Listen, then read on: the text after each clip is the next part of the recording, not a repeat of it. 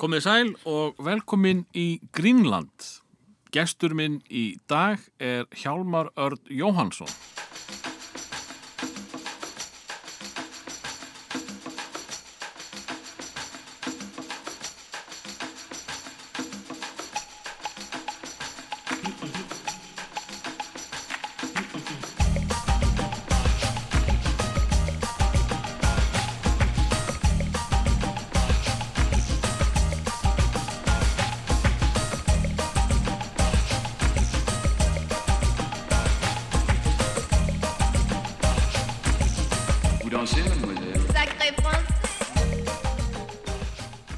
Velkomin Hjálmar. Já, takk hjálpaði fyrir mig. Hvernig ertu í dag? Takk fyrir þáttinn. ég er heldur góður, ég er mjög góður. Já, Já, ég hef verið betri samt. þú, já, Ég er með magakveisu, Ah, þannig að ég er svona, þú veist, ég þarf að halda smá, ég er að kreppa. þú ert að kreppa. Já, en við vonum þetta gangi. En við höfum mögulegan á að íta pásu. Það er möguleik, já. Skreppa já, frá. Já, já, takk. Eh, hvað, hérna, hvað eru menna, sko, þú ert, þú ert mjög áberandi í dag. Já, Þú ert svona orðin auðlýsingapjessi. já. Uh, varst, Húlísikabísi, ok. varst, svona eigilsmaður í sumar. Já, já, Ert meira í getunum af veturna. já. Hvað hva, hva liggur fyrir í vor? Hva, hvers konar pjessi verður þá? Já, þetta er frábær spurning. Takk. Ég er endar ekki með neitt, sko, lænað upp í vor. Nei, Ekki eins og er, en það er hérna að vera að kroppa í mig. það verður að kroppa í hann. Og ég verða að eiga, í, eiga sulti, sulti í gröndin, eða ekki? Eh, sko, grautur án sultu, vonlust. Vonlust, ég vil ekki sjá. Já. Þannig að ég hef verið að taka þessi verkefni að mér, já, já, það er mjög skemmtilegt og, og sérstaklega gaman að vinna með þessum báðum, ölgerinu og geturunum. En, uh, náttúrulega, þú hatar ekkit uh, að röfla þessum uh, fótbolta, sérstaklega í þessari ljótu hvítu treyju sem þú ert alltaf í. Já, tóttinam treyni, já. Ég er sammála því, ég elska, elska að tala um fótbolta. Ég hef samt ekkit eitthvað rosalegt vit á fótbolta. Mm. Og, en ég, svona, ég hef rosalega góða tilfinningu fyrir fótbolta. Skilur hvað við? Mm -hmm. Þannig ég svona, stundum hef ég svona, já, ég, þú veist, ég, ég rampa stundum á svona eitthvað, einhvern góðan punkt. Mm. En það gerist ekki oft. Nei, nei, nei, en heldur vel í það þegar að það gerist. Já, heldur betur. maður, Já, Uh, eigum við að fara bara í uh, benskuna? já, Ertu maður í þetta? já. Þetta, þetta, Þetta verður erfitt. ég veit það og, og, og þarna sko þú ert kannski að upplifa suma hluti aftur. Þess vegna er ég mikið að byggja fólk um gleðisugur Já, að vera ekki að fara neitt að höggva neitt of nærri Já. brjóstinu. Ok. uh, Ertu árbæðingur? Ég er árbækur, hreitn árbækur og ég eh, fæ, fæðist, ég fættur upp alveg í árbænum. Mm, og hraunbærin fyrst, fyrstu 7-8 árin, já, þá var ég í hraunbænum á hraunbæ 82 flyt úr hraunbæ 82 1982 Mm. og hérna flyt á upp í Selós þannig að hérna, já það ég, er ríkramanna hverju hjá það er svona upper, upper hill. Nei, ég veit það ekki, en það var rosalega gott að halast upp í hraunbænum. Mm. það var alveg geggja, það var þessi náttúrulega, þetta, þetta er snildar byggt. Já, þetta er svona, Þetta svona- þetta- endalur sem syngir já, ykkur endurlega ringir og það að setja það inn og þannig að bara verið allan daginn og fórst eiginlega ekkert út sko. mm. og það svona það var gott fyrir kallinn svo mig. Og mjög gott. Sem vildi mikið vera að fara út og fara eitthvað annað en átt að fara. var hægt að læsa það inni? já, og svolítið þetta að læsa mér inn og þá var sko, mamma sagði mig það og það var þá þannig að þá voru krakkanir í böndum. Og hún batt mig og svo var ég hérna í sangásunum og bundin við eitthvað.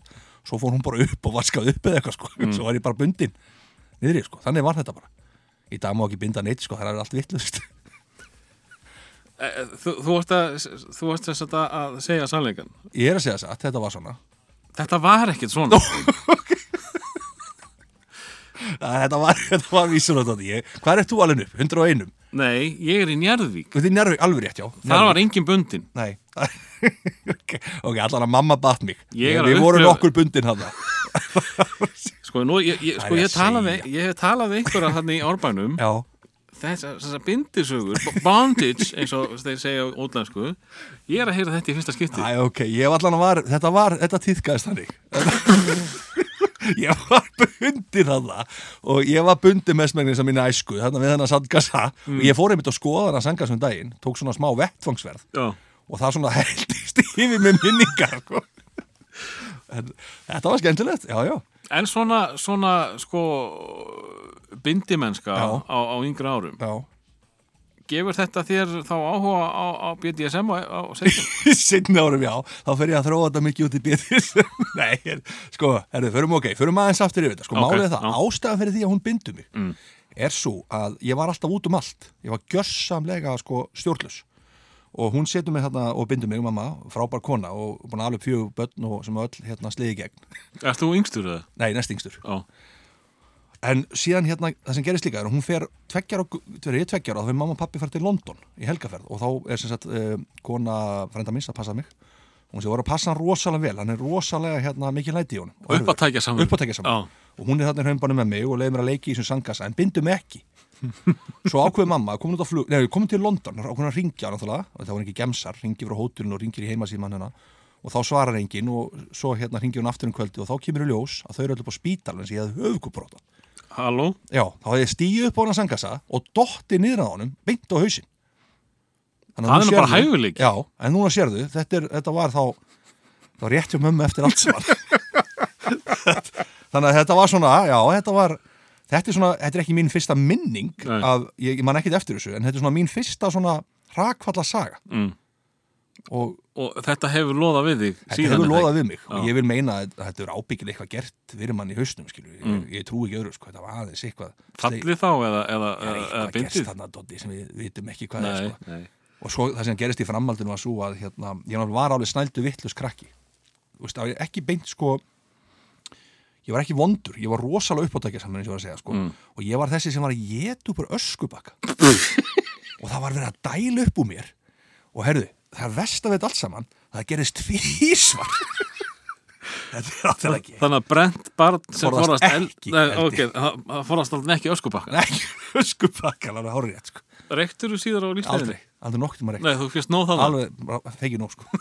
Ég, ég finn alveg ennþá svona smá ég finn, þú veist, ef ég hugsa til þess þá get ég fundið þetta svona ösku bragð sko. Ég get sko, ég get tengt við sko, ég náttúrulega borðaði hérna endan á elspítum, Mhm. hann er geggjaður það er bara svona salt brennisteinn einhver nákvæmlega, uh, og smá aska já er ekki svo slæm sko. nei, smá með. En- en- en- við erum ekki að mæla með þessu samt í þessu Nei, podcasti nei, alls ekki, Nei. alls ekki En, en sko uh, varstu þá að, að vinna með stubba eða bara Nei, þetta var þá, já, þetta var svona stubbar allt með og Mhm. svo bara fór ég með höndun og ný þetta er náttúrulega mér er sagt þetta, sko og ég tróði þessu bara upp um mig og þú veist náttúrulega að dæla upp um mér og bara beint upp á sjúkur og dælt upp um mér, sko Er þú náður að kingja þessu? Já, ég er bara átt þetta, bara með bestu list, sko. Þetta var náttúrulega alveg svakalegt, sko. En þarna var náttúrulega reykt á, svo hætti og mamma að reykja og, Mm. veist, þetta var alltaf einhverjum öðrum að kenna mér, sko, sant? Já, ég held þú getur Ég ekki að sett þetta á mig, mömmu þína uh, og, og sko þetta fyrsta sjokk sem ég fekk eh, með, með bindingarnar Mm. ég er alveg fann að skilja það Já, núna þú skilur það núna. já, já, já. þú nú ertu alveg... Mamma er mjög vönduð, já. vönduð kona Mjög vönduð kona, já. Ma- Áttu það svona einhverja fyrstu minningu?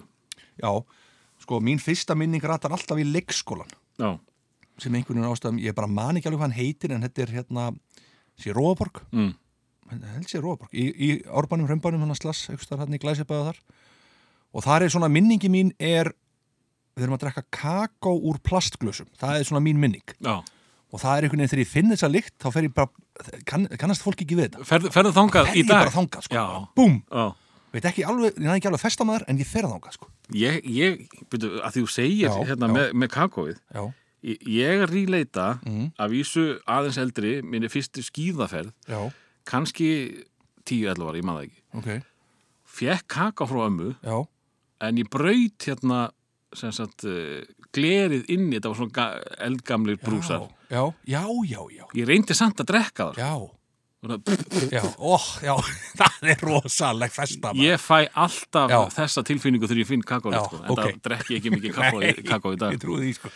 En, en eh, sko talandum sko, þið voru svolítið velvarin hérna inn í þessum uh, blokkar ringjum þannig að það var þarna svona já, uh, þarna vega satt og vinnir þeirra. Voru allir þarna. Öll blokkin þá öll blokkin, það voru allir þarna. En var ekki þá úr næsta ring lítið, nei, það var aðalega þessi ringur þangað til þið fóruð í, í skóla Já. þá, þá máttu sjá hvað var að sjá hvað var fyrir utan sko. akkurat, þetta er alveg hárrið að tjöður ég hef ekki hugsað út út í áður. En þetta var bara heimurum hans Já, bara til 6-7 ára aldur sko. það 6 ára var aldur. bara fólki í blokkinni. Bara fólki í blokkinni Það var heimurinn. Og þú varst að renna þetta niður um litla hóli þá í minningunni sem er rosa stór sko, Mhm. pínu lítill dag.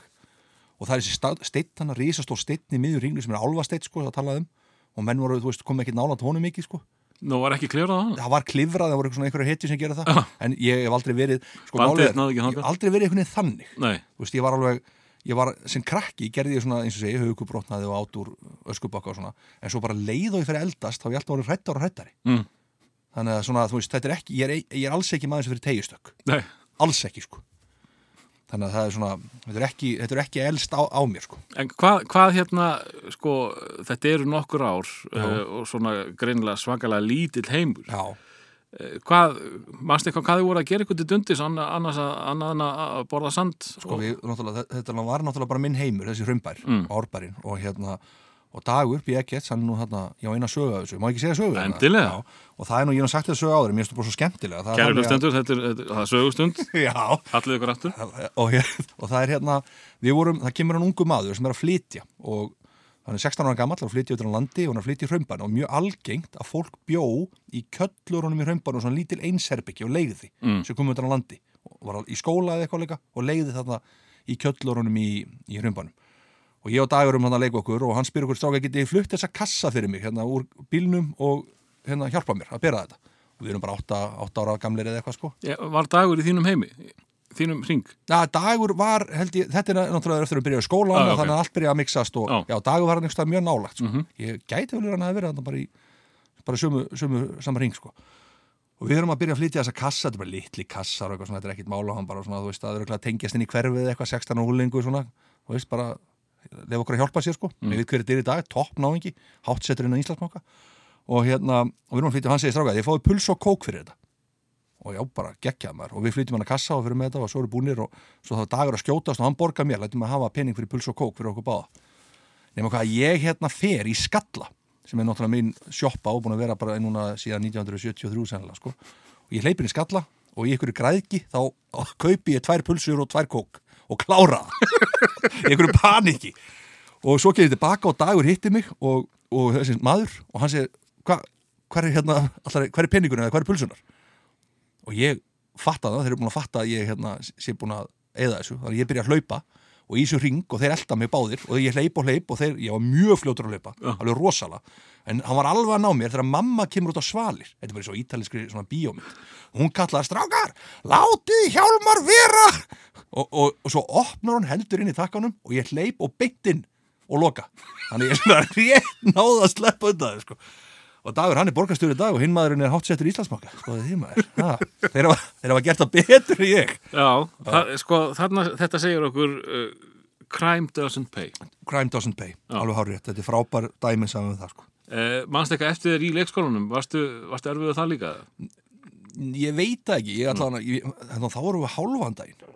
Mm. það var bara sko 9 til 12 mamma sóttum bara 12 og þá voru konur voru bara ekkert að vinna Þú talir svo sérst, fættu ég, 1702. ég er 73, þetta er hvað 77 eða eitthvað Já. ég held að ég held að fólk tengi og mun eftir þessu sko. Ég er eldri en þú, ég var í, ég var á dagheimili allan daginn. var þetta bara einhver hvað, hvurslags æska var þetta sem ég átti þetta bara einhver, eitthvað börnsótur eftir hálfa dag og eitthvað Mjög skrítið allt saman. já, en allavega hérna og þá voru bara hálfan dag, mamma kom bara og sóttu mig og svo var bara setjum partið var hún bara heima að gera eitthvað sko. Mm. en hérna ég hafði bara mjög góða minning á leikskólum sko, og ég reyndar eitt sem satt alltaf í mér það var svo gröfur það setið og verið svona handgröfu og verið að grafa Baristu þær það ekki? já, barist um þær og í minningunni þá komst ég ekki nógu oft að mér situr í mér, ég hef aldrei einhvern veginn náða að klára það tíðanbíl sko. Ég, ég, ég tengi við þetta líka Já.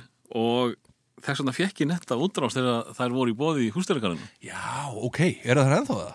Ég held það sko. Herðu, maður er eiginlega að fara þangað og Maður svona þóttist vera að sína krökkunum þetta, hvernig á að gera. Já, ég fekk miklu meir út úr þessu nokt í þau sko. já, Eh, En svo fyrir við í skólan já, og uh, erfiður hjammi Jú. í bandi uh, fær vantilega ekki að vera í bandi í skólan Nei. hann þarf að, fara, þarf að fara að haga sér já hvernig, hvernig gekk það? sko, það er eiginlega bara lýsið mér ágætlega að ég var sko, ég var hérna ég var erfur og óþólandi en ég var ekki hérna, Ekki vondur? Nei, Nei. ég var ekki vondur en ég var erfur og óþólandi og það var svona, ég talaði og talaði og talaði sko.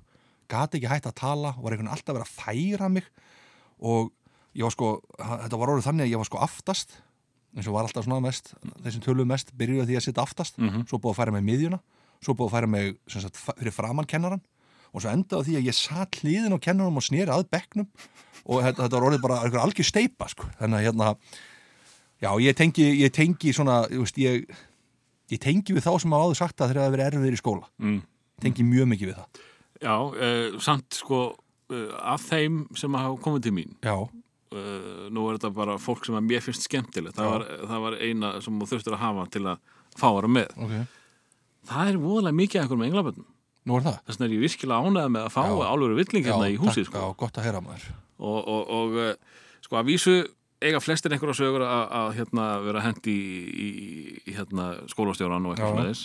En uh, fullmargir bara toppnefnendur og einhvernir og bara ræðilega einhvernir, ræðilega sko. Já þér? já, Já. og bara og hérna, einhvern veginn sko skólinn, stopnanir alltaf bara dreigi úr mér allan kraft Svo kemur hérna til Já, að tala. rúf og aldrei liður betur. Nei, þú veist hvað við Mm. þú veist það er þetta bara og ég man eftir ég var að skrifa, ég er örfendur Já. og þá voru að skrifa með svona blekpennum og svo skrifaði ég og þetta vanda, þetta var svona skrift heitir þetta, ég veit ekki hvað sé í dag.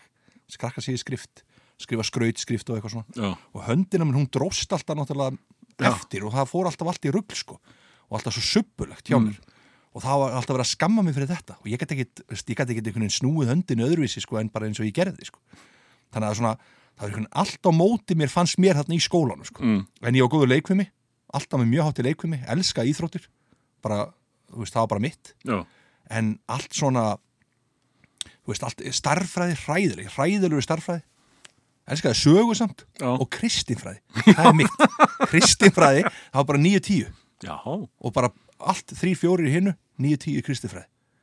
Þú eru nú aðeins að reyna að útskýra það ég held að þetta sé bara minn áhugi bara á sko, Andlegu málum já, ég held það, sveið mig þá ég hef alltaf verið svona, það hef alltaf verið andlegt í mér Ertu trúaður í dag? nei, ég er ekki, ég sko ég, er, ég, ég trú aðri mátt Mm. en svona, þú veist, það sé eitthvað æðra en við þarna úti sko. Þú fer ekkert með fæða voru á hverju kvöldi? nei, Nei. en ég myndi ekkit vera eitthvað á mótið sko. Nei, og hérna og ég trúi því líka sko að ég trúi líka svolítið á svona bara universal, bara að alheimurinn þú sért bara góður og þá kemur gott til þín sko. mm, mm, og hérna, og það, það er er bara sem dæmið þegar ég hitti þig fyrst sko Já. að það er svona, já, mér finnst að við höfum alltaf átt að hittast. Já, það var einhver svona ótsker gagkvæm virðing. Það eins og við þekktumst eitthvað fyrir. nákvæmlega sko, það er, stundum finn ég þetta einmitt öfugt alveg hjá fólki. Já, það sem ég bara einhvern veginn tengi ekkert við og ég finn bara, ég á ekki verið í þessu félagskap. Eins og hver? Ég ætla ekki að segja. Var lítið ég hef sagt eitthvað það þú veist hvað ég við Já, ég veit alveg hvað það fara sko. En eh, sko, þú talar um erfiðleika eh, sko, Var það bara tegundin af hjálmari sem var hann í skólanum eða varst að reyna að vera fyndin eh, vantaði þér aðtikli Já, það það var að reyna að vera fyndin Vandaði aðtegli, alveg hárrétt Og, og einhvern veginn mikið eirðalýsi mm. svona, þú veist, Það er bara að sitja einhverja tvo tíma Átta til tíu eða eitthvað áleika Ég man ekki hvernig það var Þetta fyrst að lifa tíu, þrjátíu eða eitthvað áleika sko. Bara hellað fyrir mig og rosalega erfitt sko. Áttu þá erfitt með að að mér náminu að fókusuna svona lengi sko. Var með ADHD En ég, allt, ég skýti alltaf inn og ég segja að ég er ekki með ADHD sem er á sko, ég er með mikið ADHD en ég er ekki með ADHD sem er á sko uh, vandræða stíi sko. ég var alveg að segja ADHD bara hræðilega erfið ADHD sko. því fólk segir oft ég með ADHD helst ég búin að segja oft núna en skilur höfið, Já. en svo er ég ekkit ég er ekki með þetta sko ultra ég er með mjög mikið ADHD en ekki þetta ultra Nei, þannig að respekt til þeirra sem eru með það sko. ég, ég er náttúrulega unni með svoleiðis krökkum sko. Já. og það er allt, allt, Hefur, alltaf hefur, hefur þú farið á okkur lif út af þessu? aldrei, Ég er nefnilega þekki menn á mínum aldri já, sem að já ættu ekki róði þig held ég í þínu ADHD næ, þeir hafa lifjað svo upp og, og orðið bara miklu betri menn sko. já.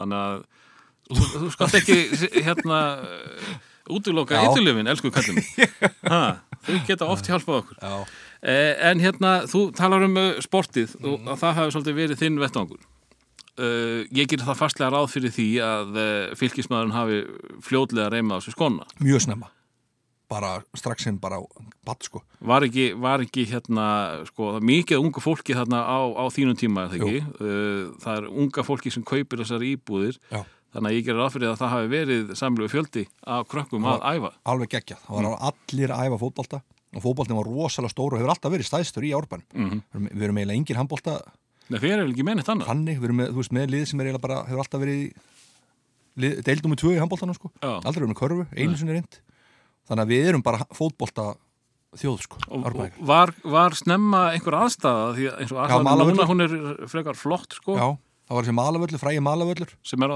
þá var það á sama stað og nývöllurinn er eða? Já. eða sérst sama stað og æfingavöllurinn er, Já, við Dalinn Já, við, við Anna. Við Anna. Já, og, hérna, og það var sko, okkur var alltaf sagt það en það eru flest lið voru nú með græsvelli og eitthvað svona sko, og okkur var alltaf sagt að þetta væri besti malavöllur landsins. Ég er nú búin að heyra það svolítið oft Já, ég er að segja að maður. að öllum sko, í öllum hverjum sem voru ekki með græsvelli eða eitthvað sko. Að vísu var græsvöllur í okkur, við fengum aldrei að nota Nei, einmitt, einmitt. Og hérna, þetta besti malavöllur landsins. Og hérna spila í rigningu. Já, það, það var- það var að vísu ógætlega það gaman var, sko. það var í minningun er það geggja að þetta var bara leðja, þetta, þá hætti þetta að vera möl Já. þetta var einhvers konar leðja Já, einmitt og hérna, og það var alveg ólíkjum hvað menn nefnt að mæta á æfingar í, leði og drullu eins og veðri var nú ofta svo þegar það var þurrt, það var sumar, þá var, bara, var þetta bara sandur í augun og allt var hræðilegt, sko.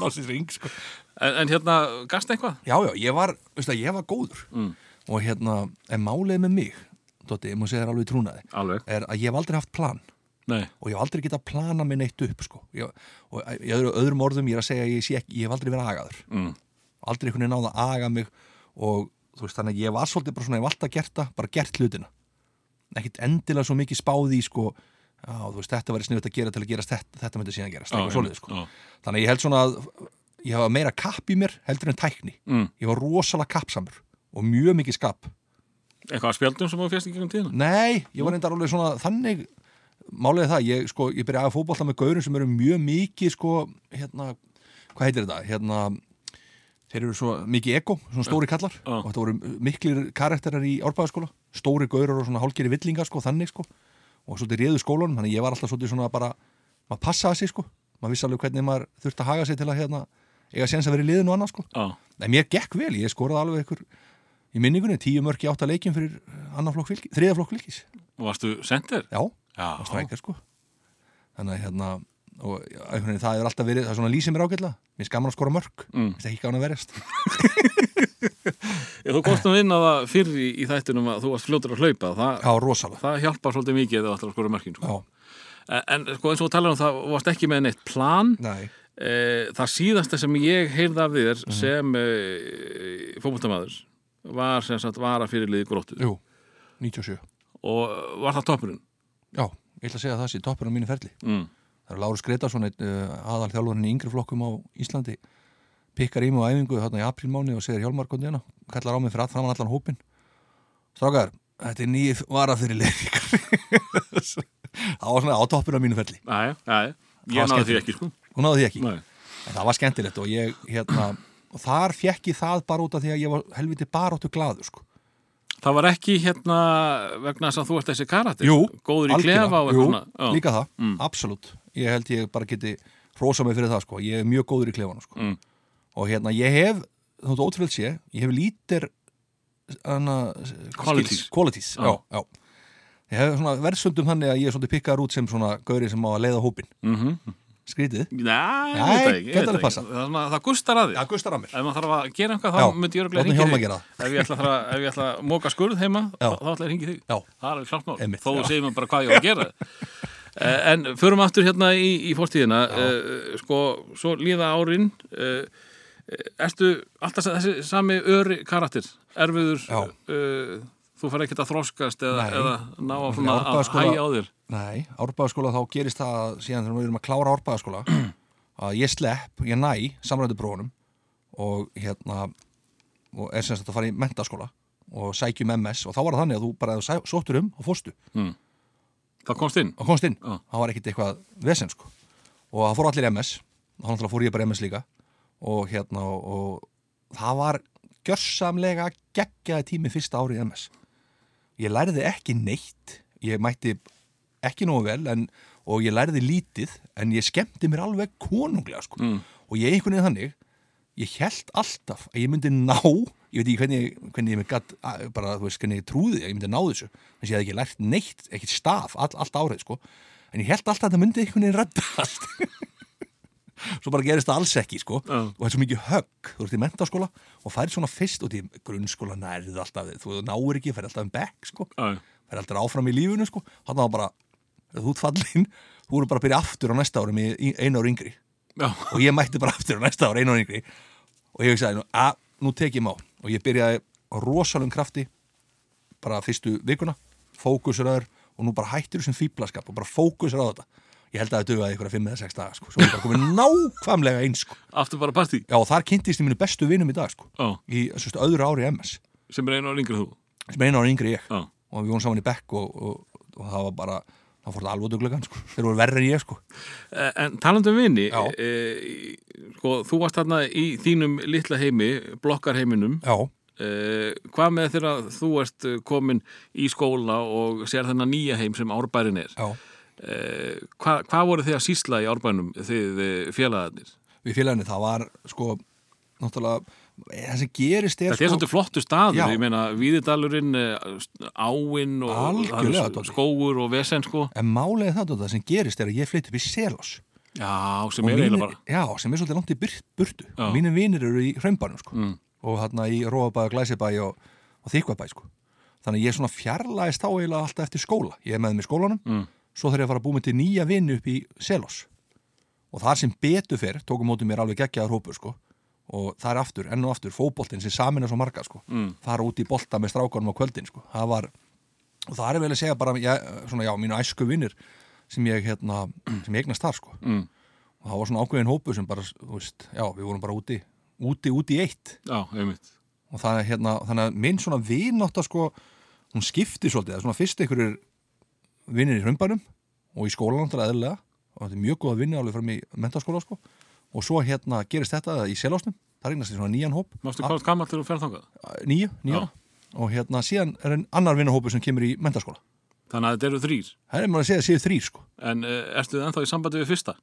Uh, ég ekki beint sambandi en þetta eru mínu krakkar úr árbæðaskóla þannig að við hittist þær í júnión Já, og maður, maður hittir og spjalla við þá og allt svoleiðis og, en svona mínu bestu vinnur eru þeir sem ég kynntist í mentaskóla og svo á ég semst að ég er fjórða vinnahópi núna í dag sem ég kynntist í svona gegnum bara mitt bröld sko. Já, þannig að það já, mér er svona marga góða vinni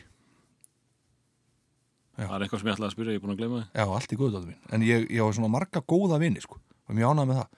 Ég er alltaf verið með vina maður Já, alltaf vilja hafa marga vinni kringum mig. Uh, skulum hérna, hvernig að badnið? já, okay. Litla, fallega, rauðarað badnið já, sem er uh, ofsalega fljótur að hlaupa. mhm. Uh, matrósafötum, ég var í matrósafötum mikið Vist það, ég elska mömmu þín. já, Uh, þá ætlum við að heyra lag sem að minni þið kannski svolítið á badnæskuna. já, Hvað, hvað eru að vinna með þar? Kannski árum við þangað. Já. Uh, þú talar um að sért einn yngsti, hvað voruð þið mörgi heimili? Eh, við erum sem sagt hérna, ég á tvær systur og einn bróður Já, og ég er næst yngstur já. og Og allir, voru allir heimil, eh, á heimilinu þegar þú Já, fæðist? allir, Já, allir áfram ennþá sko, já, ekki ennþá en þú veist það voru alveg já, já, allir, allir hessir og uh, það eru, s- ef ég telli þetta rétt, sex manns. Það er horrið, sem er uh, svolítið mikið og, og, það er mikið var það ekki svolítið mikið um árakstra og, sko málið það, bróður minn er fættið 65 Mm. ég er 73, hann er 8 árum eldri. Hann er of, of gammal til að vera í áreistrum sko. Já, en hann var samt alveg, hann tók samt ofta á mig sko, hann skammaði mig þegar ég var 11-12 ára og var að leia hérna, maður stætti myndur um Porkis já, og, og ég, hann stóð með verki og sagði hvað djöful er þetta að leia þetta? Porki veist alveg hvað þetta er. Og eitthvað svona sko. það voru hérna brjóstamindir sko. þannig að hérna, hann tók það svolítið sko. mm, og sýsti mín náttúrulega sem er fætt uh, bróðum mín fættur 63, sýsti mín fætt 65 ég held sér rétt já, þetta er rétt um mér. Og síðan sýsti mín litla fætt 80 já. Þannig að það er svo of mikið staðar allstar á milli. Mm. Þannig að já, það, það, það er of mikið fyrir píningar og vesinn já, Já. það næst ekkit sko, það er svona en, hérna, en þau voru náttúrulega voru úlinga bara þegar ég var mest óþúlandi krakki sko. Það var kannski alveg það sem ég öruglega, öruglega átt mjög, átt mjög erfitt með mig Já, ég geti tróð því. Eh, og hérna, og hvað, hvað var þetta fólk að, hlusta á, á hver var poptónlistin á heimilinu? Poptónlistu náttúrulega, bróður minn var mikill maður og er mikill maður, mm. piano með hann og allt það sko. Sýsti mín var meira svona bara útvarpið hverju, hverju sinni sko. Mm. og hérna, hvað heitir það hérna? Na, na, na, on the radio on the radio Donna Summer? Donna Summer, Já. það lag það kemur alltaf beint í hrömbæn Já, það? Já, aftur Já, svona minni. ég, ég, ég tengi á þetta, meira heldur en líkt Já. ef ég heyri ákveði lag, þá er ég kannski komin á ákveð stað. Einmitt, sérstaklega ef það er svona gamalt já, Svona gamalt, já. tengt við kanan eða eitthvað sko, sem þú náttúrulega þekktir ekki þá sko. Nei, en þú ert fættur hvenær þetta, ég má aðeins spyrja þig. Ég fættu 69 sko. Já, ok, það er fjögur ára, ekki meira. Það er ekki meira sko. Ótrúlegt séð. Það er ótrúlega séð, þú lítur úr yngri ég sko En hérna það sem ég ætla að segja er að pappi hlustaði mikið á Villa Vill já, rosalega mikið. Hann er náttúrulega risa stór in the 70 sko. Ísa stórinni 70 sko. Og, og pappi dyrkaði hann sko. Mm. bara þú veist fannst hann alveg magnað sko. Og hérna og svona minningin alltaf með hann. En lægið sem ég mann fyrst eftir var sjálfsög eftir King Latta. Auðvita Ís og, ís og læti í austustræti það er auðvitað stöðið Ís og læti Já. Og það er bara var myndbandið þetta saksið þinn eða? Ha, var þetta saksið þinn ég veit ekki, ég veit ekki hvað það var. Klipt út. Nei, en hérna, það sem ég ætla að segja er myndbandið, ég Mm. skoraði að fólk að googla myndbandið og skoða, ég held að sé á YouTube. Ég kíkti bara á þeim daginn sko. Og það er að sjá þetta bara þetta er raunveruleiki 1970 eitthvað. Já, sko, bara að gera myndbandið á þessum tíma, já. það er náttúrulega geggja, sko. Já. Þetta var eitthvað stundun okkar eða eitthvað, eitthvað sítt, sko. En uh, þetta er bara góð minning að því, úst, við vitum allt núna, það er allt fest á filmu, þó að síkinu var bara í símanum okkar. Það, allt sem gerist er til, Já, en þá var ekkert til, að, stór mál líka að gera þetta. Já, þetta er risa myndband hann er í gerfi allan tíman að fara um og mástu hvað hva, hva karakterin heitir? Þetta er ekki saxi, þetta er, Þetta er hann Þórður. Var þetta Þórður Húsfjörður? Já, já. Ég er næst alveg pottitur af því. Nei, Jú, við slum kíkja bara eftir og tekur lægið í liðinu sko. Það er alveg pottitur rétt hjá mér sko.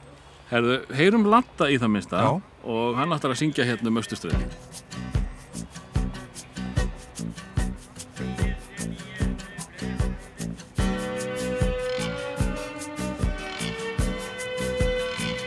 inn í östustræti snara slétt og strega skónum Með brosófur og tyggi gúmi í munninum Ég lappa um og horfa á liðið sem er þar í hópum. Frá lasarónum upp í snoppaða kettlingar Östustræti, ís og læti, fólk á hlaupum í innkaupum, fólk að tala, fólk í dvala og fólk sem ríki þarf að ala. Þar standa bákandir í röðum landsbúnaðar útvegs og fyrir hundastendur hóraður almúið er fyrir hund að sitja feitir peningar að verðir. Og passa voti kalli kom ekki og taki þá Östustræti, ís og læti, fólk á hlaupum í innkaupum, fólk að tala, fólk í dvala og fólk sem ríki þarf að ala.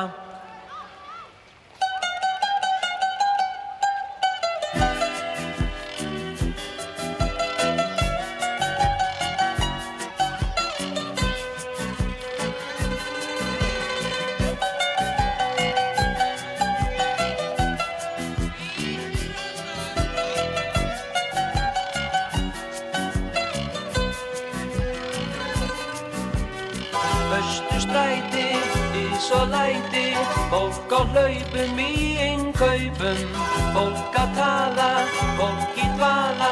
Og fólk sem ríki þarf að ala.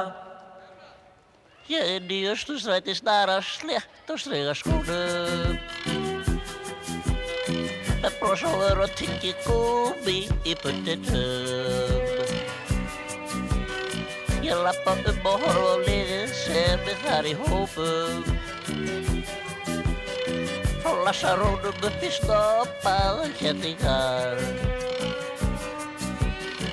Östustræti, ís og læti, fólk á hlaupum í innkaupum, fólk að tala, fólk í dvala og fólk sem ríki þarf að ala. Þar standa bákandir í röðum landsbúnaðar útvegs og fyrir hundastendur hóraður almúginn en fyrir hundan sitja feitir peningar að verðir. Og passa á að þið kalli kom ekki og taki þá. Og já, já, já og seg, seg, seg og það held ég. Búið að breyta öllu hérna? Alla byrgir við að þessu? Þið nú þessa maður. Tja, þetta er nú meira skrýpið. Sjáu þið skóna sem voru rífað. Nei, og hún er með krókodilsveski. Þú hann Jón á völlum ætti nú að ráða þessa til sín. Ah, nú var ég gott að fá sér smá tá. Ég, þetta var sem sagt Latti, Austustræti, barnæskulagið annars eh, Hjálmars. Ég ætla ekki að gefa alveg þetta sé, Þórður, Þórðurinn sko. Nei, myndbandið sýnir annað en við erum saman að það þegar hún hlusta á þetta að röddin er ekki alveg svo sama held ég og Nei, Hann notaði. þannig er hann þessi, já, en þegar hann er sem sagt eins og jólaköttin, Já. brindin, hann er eitthvað þessi, góð, sko. þú þarf til að fá latta henn og spyrja henni að þessu Latti er nefnilega á uh, stefnuskáni, Ok. en hann er svolítið erfiður, Já, kemur í ljós hvort hann komi. hann dýr Hann er rosalega dýr, þú kostar ekki neitt. Herru, við erum komin í mentaskóla sem sagt Já, og uh, þú ert búin að uppgöta partydýri í þér. já, má ég kannski spyrja aðeins hérna með félagslíf uh, í grunnskóla? já Varst að taka þátt í ykkur? Nei, og Ekki nei? Ársel Ársel er sem sagt svona uh. Já. Fór aldrei hana og Af hverju ekki? ég, Þetta er bara, þetta kemur sko, veistu hvað gerðist? Ég fór að spila tölvuleiki En sko ekki tölvuleiki eins og krakkar að spila í dag Eitthvað Fortnite er náttúrulega ekki til En þetta skilur ekkit svoleiðis tölvuleiki Ég fór að spila fútbolmanagerleiki, fútboldirektor Var það komið þarna? Það heit fútboldirektor Amigo Og ég spila hann, ég held ég að verið 58 season Síðan var með Vegan Athletic Mm. Og þetta, svona get ég fest Þetta er í mér alveg rosalegt sko. Ég get fest í svona leikjum, alveg bara non-stop sko. Og þetta, ég vil meina að þetta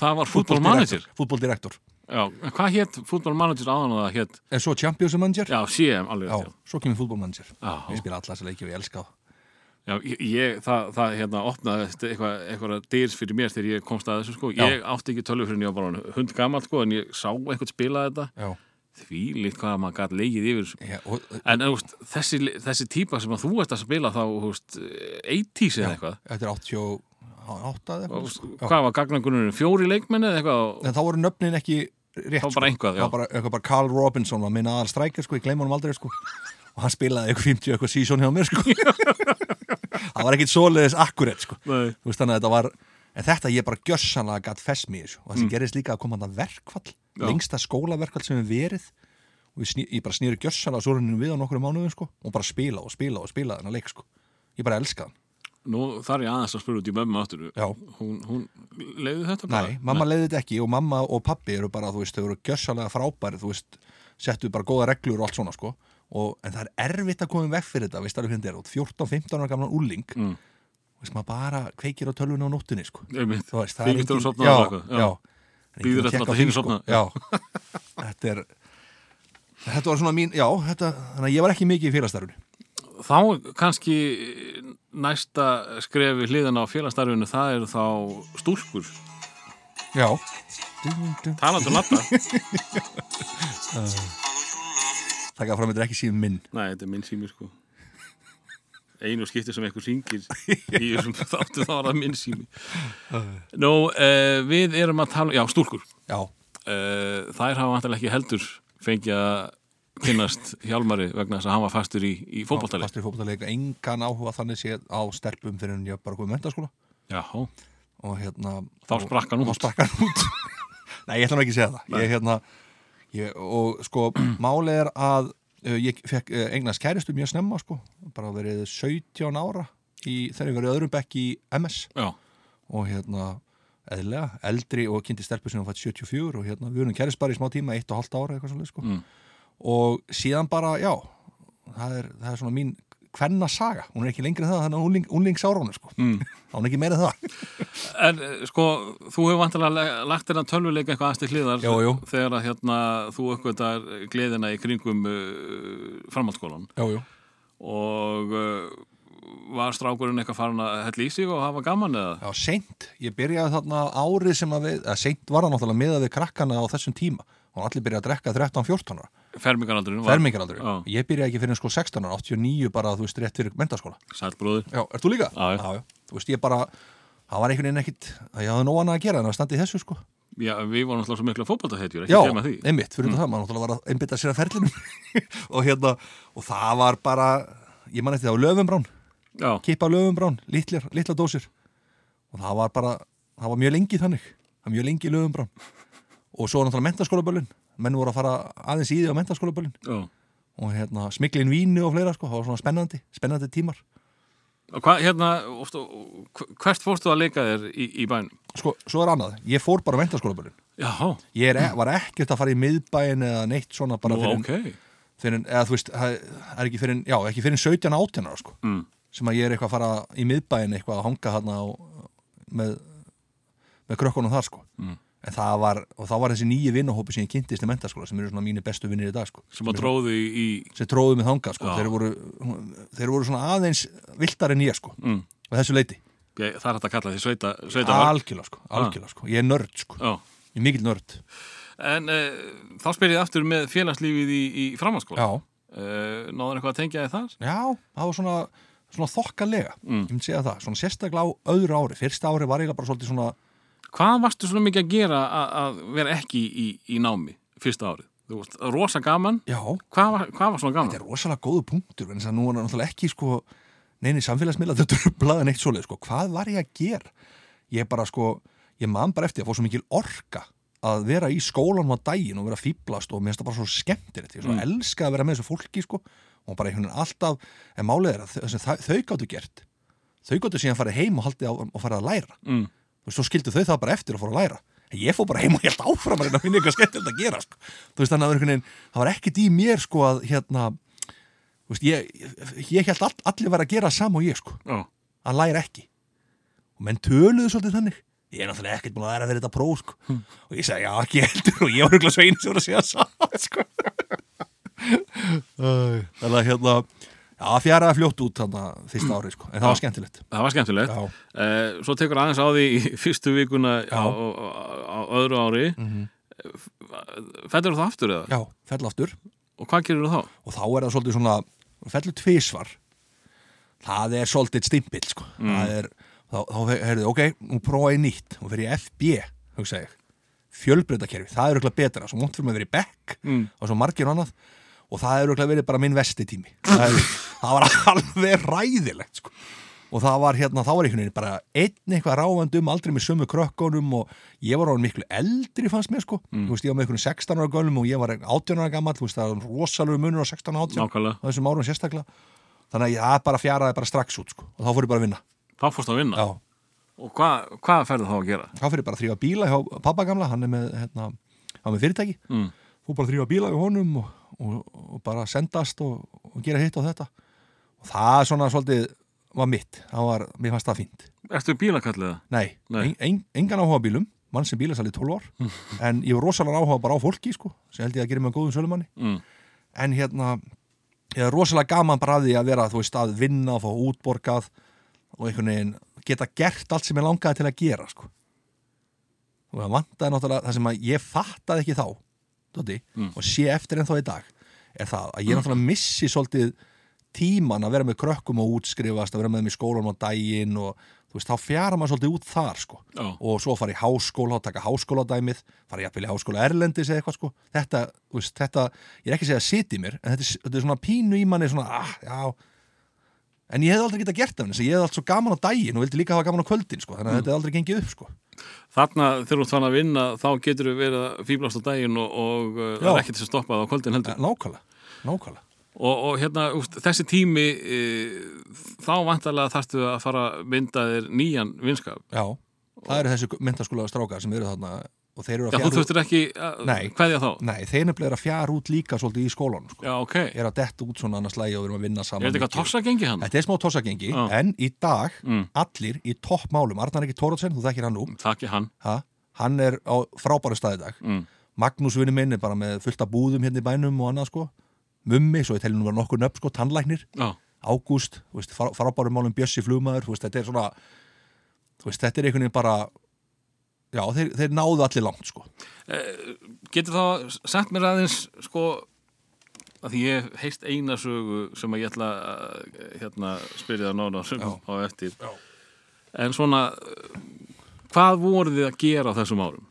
Hva, hvernig letuð þið tíman líða þá fyrir utan vinnutíma úst, e, þú ert e, gamall uppáttækja samari Mhm. og e, þú hefur ekkert skrúa fyrir það þegar þú varst úlingur í það Nei, það er svona aðgengi að öllu náttúrulega var svolítið öðruvísi sko. Mm. og veist, það er hérna við vorum ekkit að sko það var það sem við gerðum, við vorum bara úlingast við vorum rosalir úlingar, við vorum bara hittumst á hverju einasta kvöldi.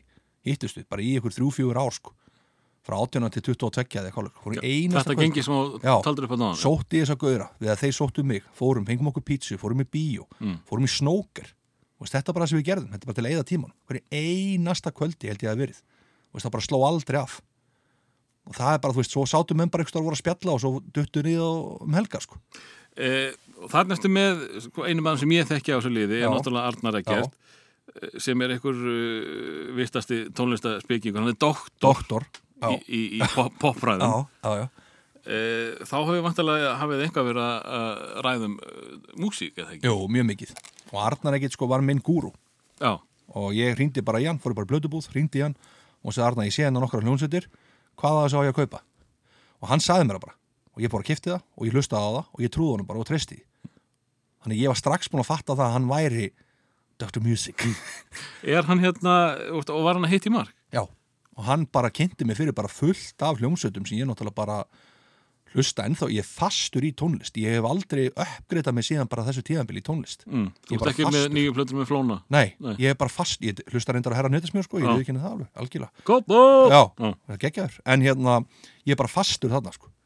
Ég er fastur í Smiths Ég er fastur í Joy Division Og Suicide og eitthvað svona Og eldgömlu bossist þunglind allt Já, saman? allt svona þunglindi, ég er rosa þungur í tónlist Já. Já, já Það er þannig sko Það er svo mikið henni kallið mig Og hvað, hérna, og þú skellir bara eh, Joy Division lægi á þegar þú ætlar að fara og gera þig glaðan dag? Já, það er bara Það er, hérna, það er svolítið mitt cup of tea sko Mér finnst geggjað að hlusta á bara þunga tónlist og vera svolítið dramakasti bara svona að hlusta bara á Smiths eða eitthvað Mm. og sérstaklega í veðri eins og er núna náttúrulega, þú veist, rigning og dimmt úti jafnvel og það er er ekkit betur en að setja Division á sko. E, þá ætla ég að hérna, spyrja þig út í e, eitt ákveðu sumar. Já, Ég held þessi 1992, mm, það sem að þú, já, Arnar og held ég eitt til viðbótar, mm, e, fóruð í, í e, sumarvinnu, Mhm. Erlendis, já, það sem að þið voru sagt, að vinna á einhverju hóteli í Veils. passar. Segðu mér fyrir það fyrsta hvernig í fjandanum kom þetta til og svo það hlýtur eitthvað að hafa gerst sem að hefur ekki komið neitt rosalega mikið upp á yfirborðið. Sko, þetta kom þannig til að okkur langaði ros, 93, okkur langaði rosalega mikið til að fara að vinna úti, Erlendis Mm. og við skrifum Þannig er þið hvað, tvítugir? Við erum tvítur og og skrifum 300 bref semst, við- bara til 300 hérna hótela í allt Breitland Já, planið var að fara á hótel í Breitland. Hótel í Breitlandi var það sem okkur langaði til að gera við elskuðum allir England miklir englandsmenn, ég Arnar ekkert og, og Arnar. Mm. og hérna og, og hérna, og við fórum. Og, semst, og fengum eitt rétt svar. Eða semst eitt, eitt já. Mm. og hérna Ólafur Arnar heitir hann. Og Ólafur Arnar Jónsson. Og hérna og fengum eitt já af þessum 300 brefum og það var hótel í Norður Veils í Mold í Norður Veils Heiti staðurinn Mold. Mold staðurinn.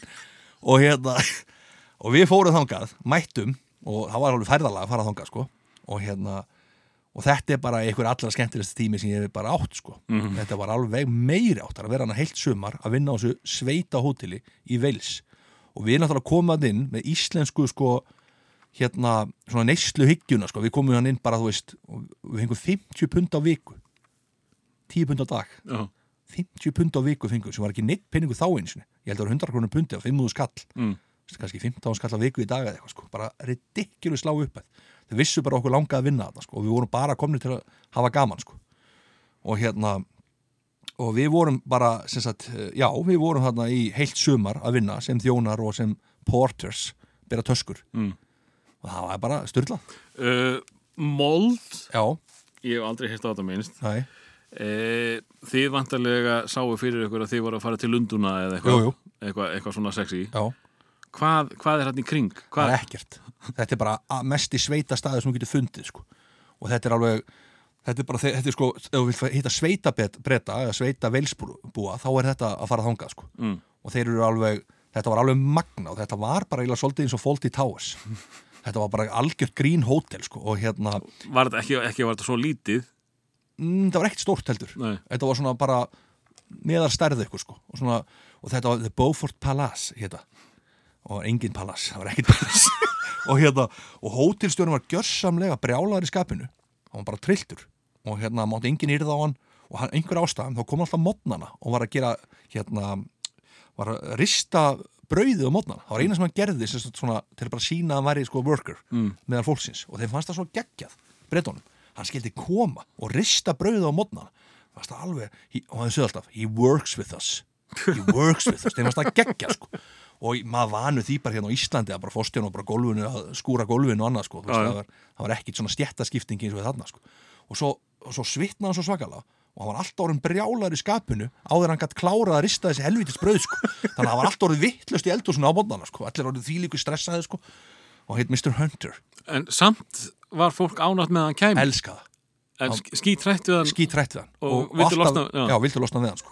Þannig að þetta var alveg rosalega sérstætt og svo var þarna Mr. Parks sem var svona hérna, hann var yfir þjóttnin hann og var semst nummið tvö og hann var rosalega óþægileg típa óbóðslega óþægilegu gaur maður, maður fann það bara, eins og við vorum að tala um aðan hvernig við finnum hvernig við mm -hmm. hvernig ekt maður fann það hvernig maður tengdist honum enga veginn sko. Hann var bara rosalega óþægilegur svo voru búin að vera hann í mánuði eitthvað sko, og þá var hann látin gossa, færður á annað hótel og kom eitthvað upp sem Ok. við fengum aldrei útskýringu á sko, en það kom eitthvað upp sem að var eitthvað brota á einhverju síðarreglum sko. mm. þannig að hann bara færður annað hótel En, en þannig eru þið, þrýr Íslendingar Já. uh, ætlið að upplifa ykkar besta sumar ever uh, úst, Náðu þið eitthvað mikið að, að gera ykkur glaðan dag uh, Þurftu þið ekki mikið að vera bara alltaf vinnandi jú, við unnum 14 tíma á dag Mm. 5-6 daga vikunar og þeir náttúrulega leta okkur vinna alveg eins og brjálæðingar sko, við náttúrulega legstu laununum unnum langt best, fljótir að komast inn í allt og, og bara, þú veist, okkur fannst gaman að vinna þarna sko og svo voru hérna, það sem gerðist líka var mjög skemmtilegt, þannig sé, það var eitt strákur sem var sendur af fjölskyldur sinni frá Fraklandi hitt Kristoff, og við kallum hann Crazy Kristoff mm. og hann var 24 eða 5 ára gamall. Og hann er sendur til Breitlands að vinna á hótel einhver ástæðum, ég veit ekki okkur hann er sendur þangað í Norðu Vils og hérna við tókum hann svolítið að okkur. Það var svona strákur sem aldrei nokkuð til hann unnið. Mm. hann greinlega var svona ríkum fjölskyldu sko, hann er aldrei, aldrei unnið. Við erum allir búin að vinna bara síðan, þú veist, Íslendingar vinna síðan 12-13 ára eða eitthvað sko og hérna, og hann var að mæta allt og setna mótnana og hann mætti einu svona hvítum jakka og semst, í þjónadarfið, og ég held að það var yfir þjónin og það talaði ekki stakt orði ennsku og hérna svo bara og svo fórum við eins og til hans hérna í, í hérna, heimsókn, herbyggjans það má ekki segja frá öllu hérna. Jú, jú. mættum hann einan til herbyggji til hans og hann var þarna með svona gleru, svona lítill krullóttur og 25 ára gamall en samt alveg eins og hann væri bara 11 ára sko. Mm. og hann var þarna satan á rúmstólnu og við vorum eitthvað settist hjá honum og spjallaði við hann og svona. Svo tekur svona Arnar ekkert blað sem er svona case, eitthvað svona bæklingur. Já, hérna, sem sagt, mannst þetta er sem hérna vöru, keisi kosturinn. Já, Casey kosturinn og fullt af svona fötum mann sko, en aftast er alltaf nærfætt að dæmið Mhm. og svo tímur Arnar ekkert og Arnar ekkert fyrir náttúrulega fyrst beint í aftast eins og hann er, nei, og hérna, og það bara það var allt klístrað og við öskrum og hlátur ég bara, Kristof, what is this? og þá sagði hann, þessa gullnu setningu It was an accident Þannig að hann er aðeins er aðeins svo spenntur að sko hann að bækling og það var náttúrulega menn ekkit að komast í neitt annað en bara bækling sko. Nei, það, það var ekkert eh, að ekki að minna af, af, af Pornhub. Já. Eh, en, en sko náðu þið ekki að fara neitt úst, að því þú talar um þetta sé hjari veraldar hann ekkert nálagt, úst, ekkert Swansea eða Cardiff eða eitt Arnar ekkit náttúrulega er þannig að hann fer og ferðast. Já. hann fór og kíkti hann í Hlandignu Hlandignu Hlandignu sem er eitthvað rosalegt þarna eitthvað bær sem er svona merkilegu sko. Mm. og hérna ég hef ekki haft þess að þörf að skoða mikið hluti. Mm. mér finnst bara gaman það sem ég er og mér finnst það bara nóg. Mér, allt, mér, mér, leiðist allt vesendóti Mm. ég, ég hef aldrei getað verið á skýðum mér finnst það bara að vera vesen burðast með sér skýða eða kalt og ykkur þungum skóm það taka með næsti, ég bara skilir þetta ekki. Og En ég, þú nennir að ferðast, ég sé það. Ég nenn að ferða sko, Ég ef nenni það- því ekki fyrir mitt nýttla líf. Ég, ég nenn að ferðast ef það er kósi ég við erum góður að ferða saman sko, í ykkur kósi Já, ef, að- ef það er bara sko, veist, fyrst að fara í mig og, og, einhver, einhver heldur á töskuna fyrir mig sko. en hérna, hann fór þangað og ég fór aftur á móti til ég ger eina ferð, ég fór til Bangor þú kannast maður aðstæðan, ringir um einhverju bjöllum Já, Bangor. ég, já, ég þekki, ég þekki það orð. Já, og ástæðan fyrir ég fór á Bangor var að Ía var að spila mútið Bangor í Európakefni Já, og ég tók lestina með öðrum breyta, fór þanga upp yfir og við mættum og ég var mjög spenntur að sjá Ía spila. Og Ía var rosalegu klubur þá sko. Mm. þetta er 93, þú veist, Já. þeir eru bara ég heldur að slegja út fæin úr þarna árið undan eða eitthvað. Já, og við mætum hana og það var eftir, ég maður ekki. Og hérna, og ég gleymi aldrei, ég kemur sem brettinn og við opnum bar í Bangor sem er bara í norður, norður veil sko, sem er bara hardcore lið sko, það er enginn að gefa afslátt þar Hmm. og við opnum barinn og ég er að tala við hann eitthvað svona og þá bara grípur hann um munnum mér og því að barinn er fullur af Bangor stuðnismönnum, gjössamlega tróðinn og þeir eru allir í svona bláum treyfist og Bangor Army is back in Europe mm. og við bara, hans, við fórum á barinn og hann sagði, you don't say a word here og svo bara kipta okkur eitt bjór drukkum hann og út þetta var sko bara, maður sá það bara, þessi gaurar voru ekki fara að taka neinu gríni, sko, eða spjalli eða léttu spjalli, sko. Þó maður væri komað frá fiskiþorpinu á Íslandi, sko. Já, nákvæmlega. En, eh, sko eh, verandi þarna heilt sumar og ég veit að þið eittu drjúun tíma í að horfa á hvað, tveggja tómu sjónvar Já. MTV, Já. all, allan svona partí með elskum konum partí með elskum konum reyndum það svolítið, sko og þær voru náttúrulega voru mjög spennta fyrir Íslendingnum. Er það? Já, það var svona, við vorum svolítið óséðir hérna, eða sem sagt að við vorum hvað, hvað maður segja, maður svona við vorum dementar, dementar þarna, Já. miklu dementar og hérna Óslýpaði kannski. óslýpaðir demantar kannski mínu upplifun ja, það hafi verið þannig. En hérna og við vorum sko, við vorum latir Mm. og kannski ekki latir, við unnu mikið og við borguðum herbyggisternunum 10 krónur, 10 cent á, eða pens á hérna skýrtu að strauja þér Mm. svo lágum við og horfum á hjá mig fótbolta með annars og hérna MTV og þær stóðu tvær saman sig ykkur megin og voru að strauja skýrtuna fyrir okkur og þetta var, eiginlega, í- þetta var ekki þannig að við vorum að borga þetta var eiginlega bara svolítið skemmtilegt það voru bara að spjalla við okkur, bara svona ástæði fyrir að vera hanga með okkur, ég held að við höfum verið alveg mjög skemmtilegi sko. Mm. og svo voru við bara fýblast í þeim sko. þetta var svona en þetta var svona lístið þessu ágætlega sko. við vorum hérna, þú veist, við höfum alltaf verið strauðum skýrtum og enginn af okkur kunni að að strauja sko. þannig að alls ekki ég Eh, En sko, þið, þið eruð eh, á þessu hóteli allan tíman Já. þannig að þið, ná, þið náðu ekki að taka eitthvað, eitthvað djamma á þetta það var lítið, Arnar ekki drakka ekki á þessum tíma Nei, og hérna, hann er ekki byrjað að drekka sko. Mm. hann er hættur að drekka nú í dag já, thank God for that og hérna og þannig að við vorum að ég var svo eiginlega eini sem fekk mér aðeins sko. og það var, það var ekkit það var ekkit mikið partistandana sko. þetta var mikið lókalinn hann að barið niðri sko. og, og það var við fórum mikið í sjoppuna The Garage, sem var svona bensistu sjoppa mm. og það kom eins og semst, það kom til okkur og sagði strákar there's a rumors that you spend loads of money at the garage þá vorum við bara að kaupa okkur snakk og kóka eitthvað en þeim fannst það bara við fórum okkar í kvöldur sko. Já. fylltum á og hérna, borðum vel og, og hérna, þetta var, veist, það, það var ekki þeirra menningu að gera það sko. Þeir sáttu rosa mikið á barnum og drukk já breytin, Já, einmitt, einmitt alltaf eftir vakt Er það ekki? Jú, beint og, eftir vakt og, og svo bara fara þær heim klukkan tíu eða bara? Já, 11, hálf 12 allir farin heim og mættir í vinnu aftur daginn eftir Já, þetta er náttúrulega menning sem við Íslandika þekki mikið vel Nei, nei. eh, Förum aftur heim, Hva, hvað fer hjammin að gera þá? Já, þarna eftir, eftir þessa ferð. Eftir þessa stórkosluðu ferð. Það er bara stutt í að þarna ég fyrir bara að, að eignast börn sko. Mm. hann bara tveimur án setna, 22 ára þá var ég búin að bara 23, þá var ég búin að eignast einn fyrsta badd sko, Já, þannig að það var ekkit langt í það. Það var bara, og fór eina hróaskeldu á milli, tók eina hróaskeldu það var geggjað. Og hérna Hva, hvað var þá svona það það, var, stærsta? það var Rem Oasis, veit ekki hvað, hvað. Það var bara einhver rosalasta hátíð sem hefur verið sko, þetta er 95 Mm. ég, ég bara mana fólk til að googla það sko það var svakalega hátíð sko. Það var hérna Bob Dylan mér sér held ég líka. Já, þetta var bara rosalegt sko. Þetta var bara endalust af einhverju line-upi og maður sá ekki mikið af þessu. Nú? Nei, nei, við vorum að, það var þannig engi gemsar og þá voru menn bara tíndust og tíndust þeir bara, svo hittust þeir aftur sko. Þannig að hérna, maður svolítið mikið einn bara á ráinu og flesti voru bara einu á ráinu eitthvað sko, var mikið myrkur og sást ekkit mikið og þannig að þetta var svona svolítið, svolítið sérstakt Já, en það skipti það litla máli, varst ekki aðeins búin að fá þig jú, og jú, svona? skiptir engum máli, þú veist bara allir í góðum gýr og Líði frábært. gla- glíði glaði, Líði það með glaði, segja hana já.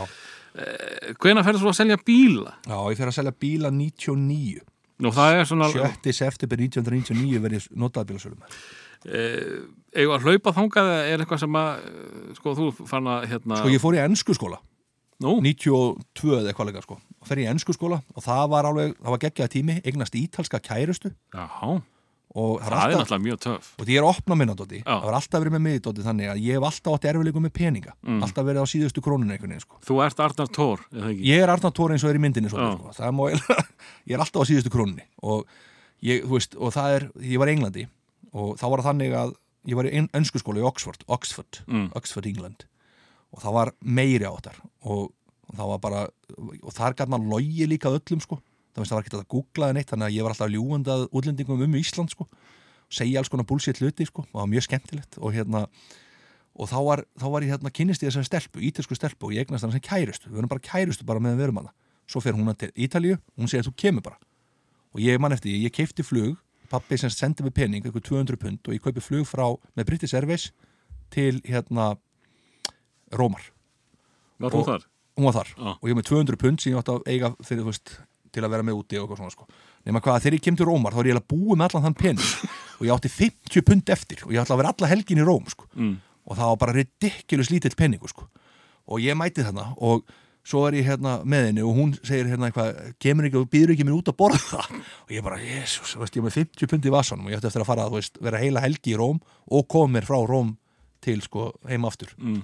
Þannig að ég hérna og engi gemsar, þannig að við förum okkur pizzastað og svona rétt sleppur, og, veist, ég man ekki hvað mikið eftir þá sko, svo bara líður helgin svo er helgin búin og við erum að leiðinni heim og þá segir hún bara bless við mig ásens að hérna í miðborg Rómar, segir bara að takk fyrir aðeinslega helgi eitthvað svona og, og við sjáumst og ég man eftir, ég átti fjögur pund eftir. Eða sem þið voru einhverja lýrur þá sko. Mm. og hérna, og það dögði ekki frá til að upp á flugvöll ég hef, hef ekki komist upp á flugvöll og ég gæti ekki sagt henni, ekki gemsar en eitt ég hef ekki, hef ég gæti ekki svona ringt sko. Þannig ég er hérna á lestastöðinni eitthvað að reyna að finna út í hvernig ég get komist hérna á flugvöllin, hvernig sé eitthvað svona eh, bara, þú veist, hvernig ég á að komast ákað sko. Og bara svitta, bara, bara kalt. Nema þá sér mig eitthvað breti og þú veist, heldur ég sé bretið eitthvað sko, ég veit það ekki, fyrir maður að spjalla sko, til, hvort ég hafi spurt eitthvað nálægt eða eitthvað svo sko, og hann segi, herðu, ég tek þið bara með. Komdu bara, og hann tók mig bara skutt, setti mig bara, við fórum bara saman í lestina og hann borgaði bara lestina fyrir mig til hérna út af flugvöll og ég hef aldrei verið jafn fegin á æfinu sko. ég var næstuði fann að gráta, mér langaði svo mikið til að þakka hann sko. Mm. ég held ég er bara eftir í Róm sko. ég er bara, bara heimilisleis í Róm núna sko. það er rosalega tæft sko. Hljómar pínliti eins og uh, þegar ég er í útlöndum. Uh, Ég er bara svo hrættur Ég, það festast já, og bara úst, að þurfa að tala við innfætta Já, ég er ekki nóg góður í ennsku eitthvað, og- bara óþægilegt það, eins og ég sagði, ég skal fara og ferðast með þér ef, það- fyrst að fara með einhver heldur á törskóla mínum og segi, bendir í allar áttir sem ég þarf að fara. En, en við erum eiginlega búin að hlaupa yfir unglingin já, verðum við ekki að fá unglingalag? jú, er það úrlingalagi maður. Það er sérstaklega skemmtilegt. Já, ég ef að það ekki. Er Það það, smiðs? Já, Já. það er mínum menni Smiths. Þannig að þetta er Arnar ekkert kannski sterkur inn eða? mjög sterkur inn, líka Jón Máu minn. Mm. hann kynni mig svolítið fyrir Smiths líka. Hann átti fullt af Smiths blötum og ég bara tók gjörsanlega ástfóstur við Smiths og textana Hvenar? þetta er 1990 cirka Já, þeir eru hættir já, Já. því miður Þetta, ég- er, þetta, þetta er svona tímalust pop Já, Já. þetta er það og þannig er náttúrulega þannig sé nýhættir sjö ára eða eitthvað Mm.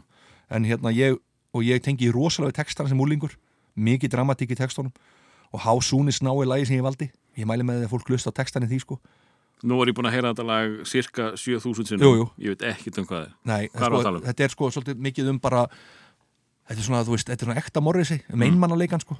You go to a club and you, and, a, and a, og hérna and you go home and you want to die. Þetta, ég er ekki að segja að æska minn hafi verið svona eða sem stúlingsárin. Nei, en þetta er Morrissey allavega. já, þetta er svo ekta Morrissey. Mm. og þetta er líka sko ekta að vera úlingur fara okkur klúb, vonast að hitta eitthvað einhverja stelpu, hitta enga fara einn heim og langa bara að fara að gráta Mm. skilur hvað við? Skilur. Þú ert 17, 18 ára gamall með alla hormónin í gangi það er ekki hægt að tengja meira við Og sko. það klikkaði og það klikkaði, Já, lífið er umulegt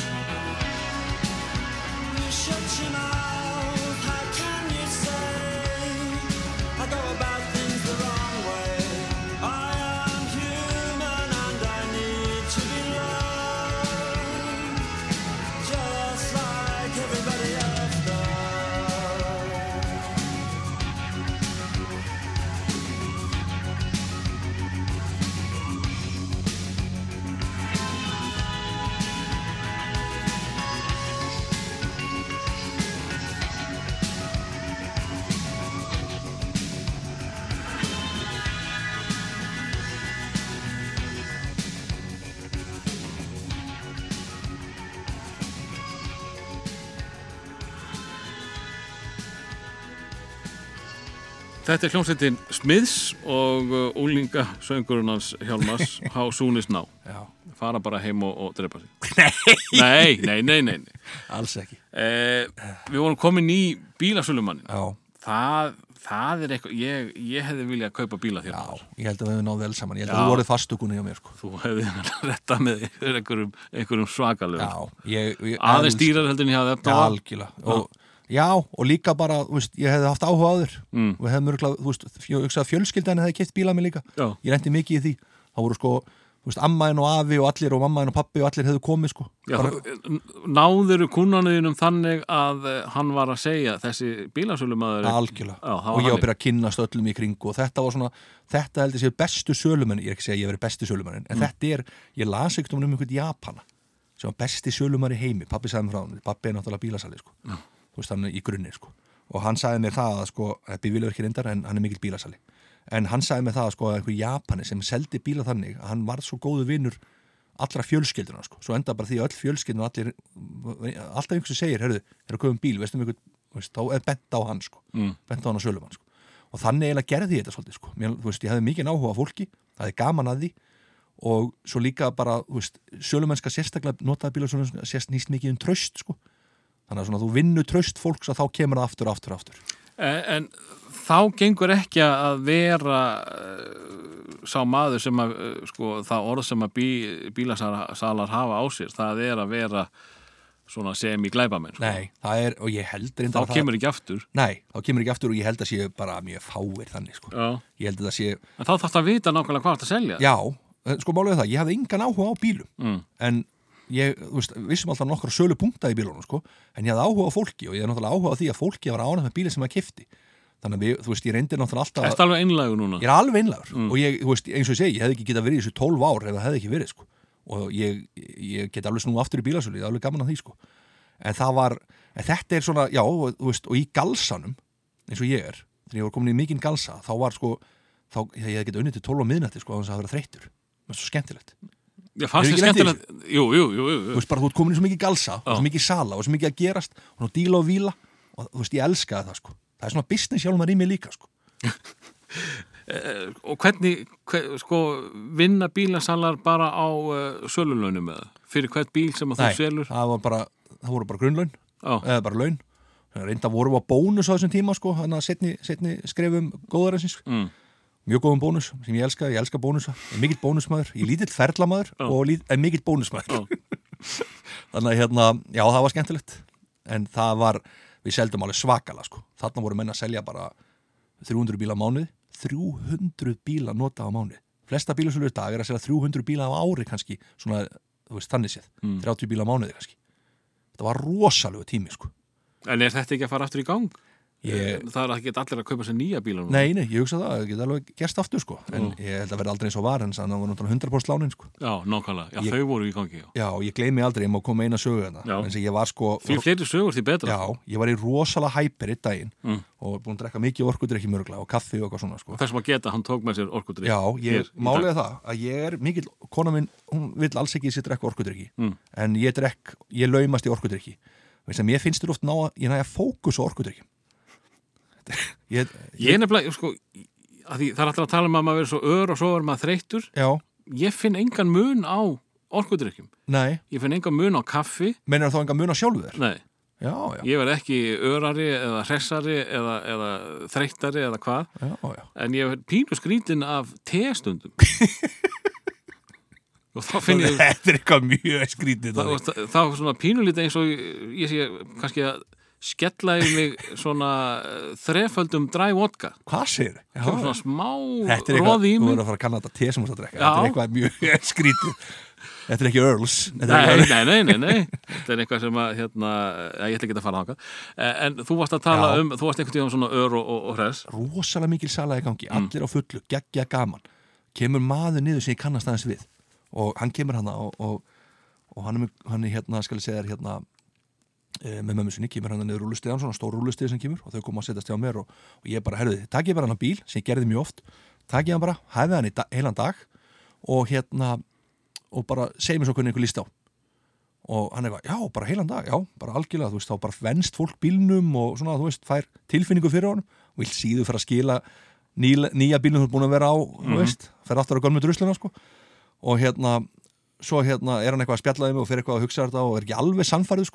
og er er ég er svona eitthvað að afgreða eitthvað annan og svo kemur hann labbandi og ég segi, herðu taktu bara hérna uh, taktu bara mömmuðina með þér og farið bara rúndin smá stund og komið svo aftur. Eru ekki að vera með heilan dag. Og það var eins og hann vildi ekki vera með heilan dag sko. og þá kemur hann til mér og segir þetta, þetta er kona mín. Ég bara, jésus sko jésus mig góður. Þetta var versta sem ég nokkuð tíma lendi í sko. Þetta var svo hræðilegt, ég róðnaði svo rosalega. Heyrði mamman þetta líka? mamman, mamman konan heyrði þetta og ég sat hana eldröður fram með annan kuna fyrir fram mig. Hann heyrði þetta, það einhvern veginn heyrði þetta allir og þessi maður kom aldrei aftur. Þetta var svo ríkalegt sko. og það var náttúrulega ekki þetta að byggast afsökunar á þessu. Þú eigður þessu bara. Algjörlega, algjörlega. þetta var svo agalegt og þarna var þetta var svona low point of my career í, í hérna þannig var maður búin að aðeins svo mikið áætlað að eitthvað væri sem var alls ekki sko. þetta, er, þetta var orskudrykkurinn bara að tala þetta var orkutur ykkurinn bara í bullinu sko. mm Og af hverju hættur þessu? í notabílusölni Já. ég ákvaða að fara og prófa annan vettfang Helgi Sján, vinnu minn með menn.is Mm. og var að vinna á pressunni hann spurði mig hvort ég vildi koma að selja auglýsingar Já, og ég hugsaði bara já, já, 2011 búið að vera svona leiðilegt í bílasölum lítið að gera og lítið sala og ég sagði já, já, ég prófa það bara, skellti mig þangað og var í veðpressunni, á veðpressunni í ykkur eitt eða tvö ár og það var bara alveg svo mentaskóla árin, það var bara fýblaskapur við vorum bara tveir hérna og, og Sigur Hannes vinnu minn líka, vorum bara fýblast þetta var bara rosalega fýblaskangstími sko. en náður að selja eitthvað? Nei, mjög lítið, þetta var bara, við vorum bara fíbla sko, seldi eitthvað, jú, jú, seldi alveg. Nú. Þurftu nú að eiga í Já, já, Sultuna já, í grötuðin já, og e, þetta var bara, þetta var bara skemmtilegu tími. Þetta var bara akkurat það sem að þurftu þessum árum bara, þú veist, ég sé alls ekki eftir þessu sko. Eh, komandi úr bílasölu Já, yfir í að selja auglýsingar í, á vefmiðil þá eða? já, Já, hvað? Hvað? miðla það er bara mi- allt öðruvísi, sko, kunnin náttúrulega kemur ekki til þín, þú ert að sækja kunnan og þetta á svona, þú veist þú ert neitt, þú ert að byggja upp kunnahóp sem tekur tíma, sko, þú veist að velja þú veist að vera í sambandi við fyrirtæki og annað, sko, þannig að ég er svona einhvern veginn ég fannst það ekkit sérstaklega skemmtilegt, sko. Ég er meiri bílasali Já, svona Já, hittum með það sími eða ekki? já, Já. og þú veist að fá ykkur að fundi með ykkur að markasfólk geti bara, þú veist, hrylling og erfitt og, og ég nefndi ekki, þú veist, já, þetta var ekki mitt ekki mitt cup of tea, sko. En þú minnist að þarna Sigurð? Já, Er það maðurinn sem eh, hefur verið bak við kameruna hjá þér eitthvað? Siggi Hannes er búin að hjálpa mér mjög mikið að taka upp um hugmyndir og annað og Hvenar, hvenar byrjar það, hvenar dettur það inn? Sigur Hannes kemur hann inn 2011-12, hann verður vinn með það það er setni vinnuhómurinn minn, Helgi Helgi kynist í 2007, kemur út bók Mm. konur aldrei bók? hamingisamar Ha? konur aldrei hamingisamar, svona litlan heila Til dæmis eh, tilvali sko þegar þú varst í svona spjalli Já, að nefna eitthvað þetta svona ma ég gleymi þessu öllum þetta bara, þetta poppar bara inn sko. Mér dætti ekki hug að þú hefðir eh, gefið út bók Metsölubók Metsölu bók? Já, en fjórða sæti á Pennon og Eymundsson listanum, Jólin 2007 Sko nú rámar eitthvað í, eh, er þetta eitthvað sem var kynnt í hausverkum helgar eða eitthvað? Nei, Þorgrymur Þráarsson gáði bókina hérna, hvernig á að gera konuna þína hamingisama Mm. og við gerum bók grín til höfus henni og sem eh, konur aldrei hamingisama þegar með svo litlan heila. Maður sé náttúrulega ekki litlan þannig að þetta var svona skrifað eins og kallremba hefði skrifað bókina sko, en rosalega vittlust kallremba. Það var brandarinn sko. Og hún mók seldist, við sátum í Smáralind við seldum einu svona 500 eintök af bókinni fyrir utan Smáralind í Pennan og Eymundsson á einum degi 500 eintök? 500, við sátum bara eins og við höfum verið að fyllir í frá tíu morgunin til tólum kvöldið eitthvað þannig að þeirra var opið hann um jólin. Og bara mókuðum við út, við köllum bara alla fræga. Robert Westman, Robert, Robert, kitta ákveðina en skýtu, við varum að sjá þessa. Ah, nei, það er tvær á 12 1260 eitthvað líka sko, kostaði ekki neitt neitt svona auka að gefa pakkan, við mókuðum við út. Mókuðum við En, en sko þegar svona brandari gengur upp, akkur reynduðu meira eða? nei, ekki, ekki fyrir bæku sko, við höfum verið að bralla ímislegt hitt og þetta, ég og Helgi sko, ykkur að sketsa og svona sko. Já.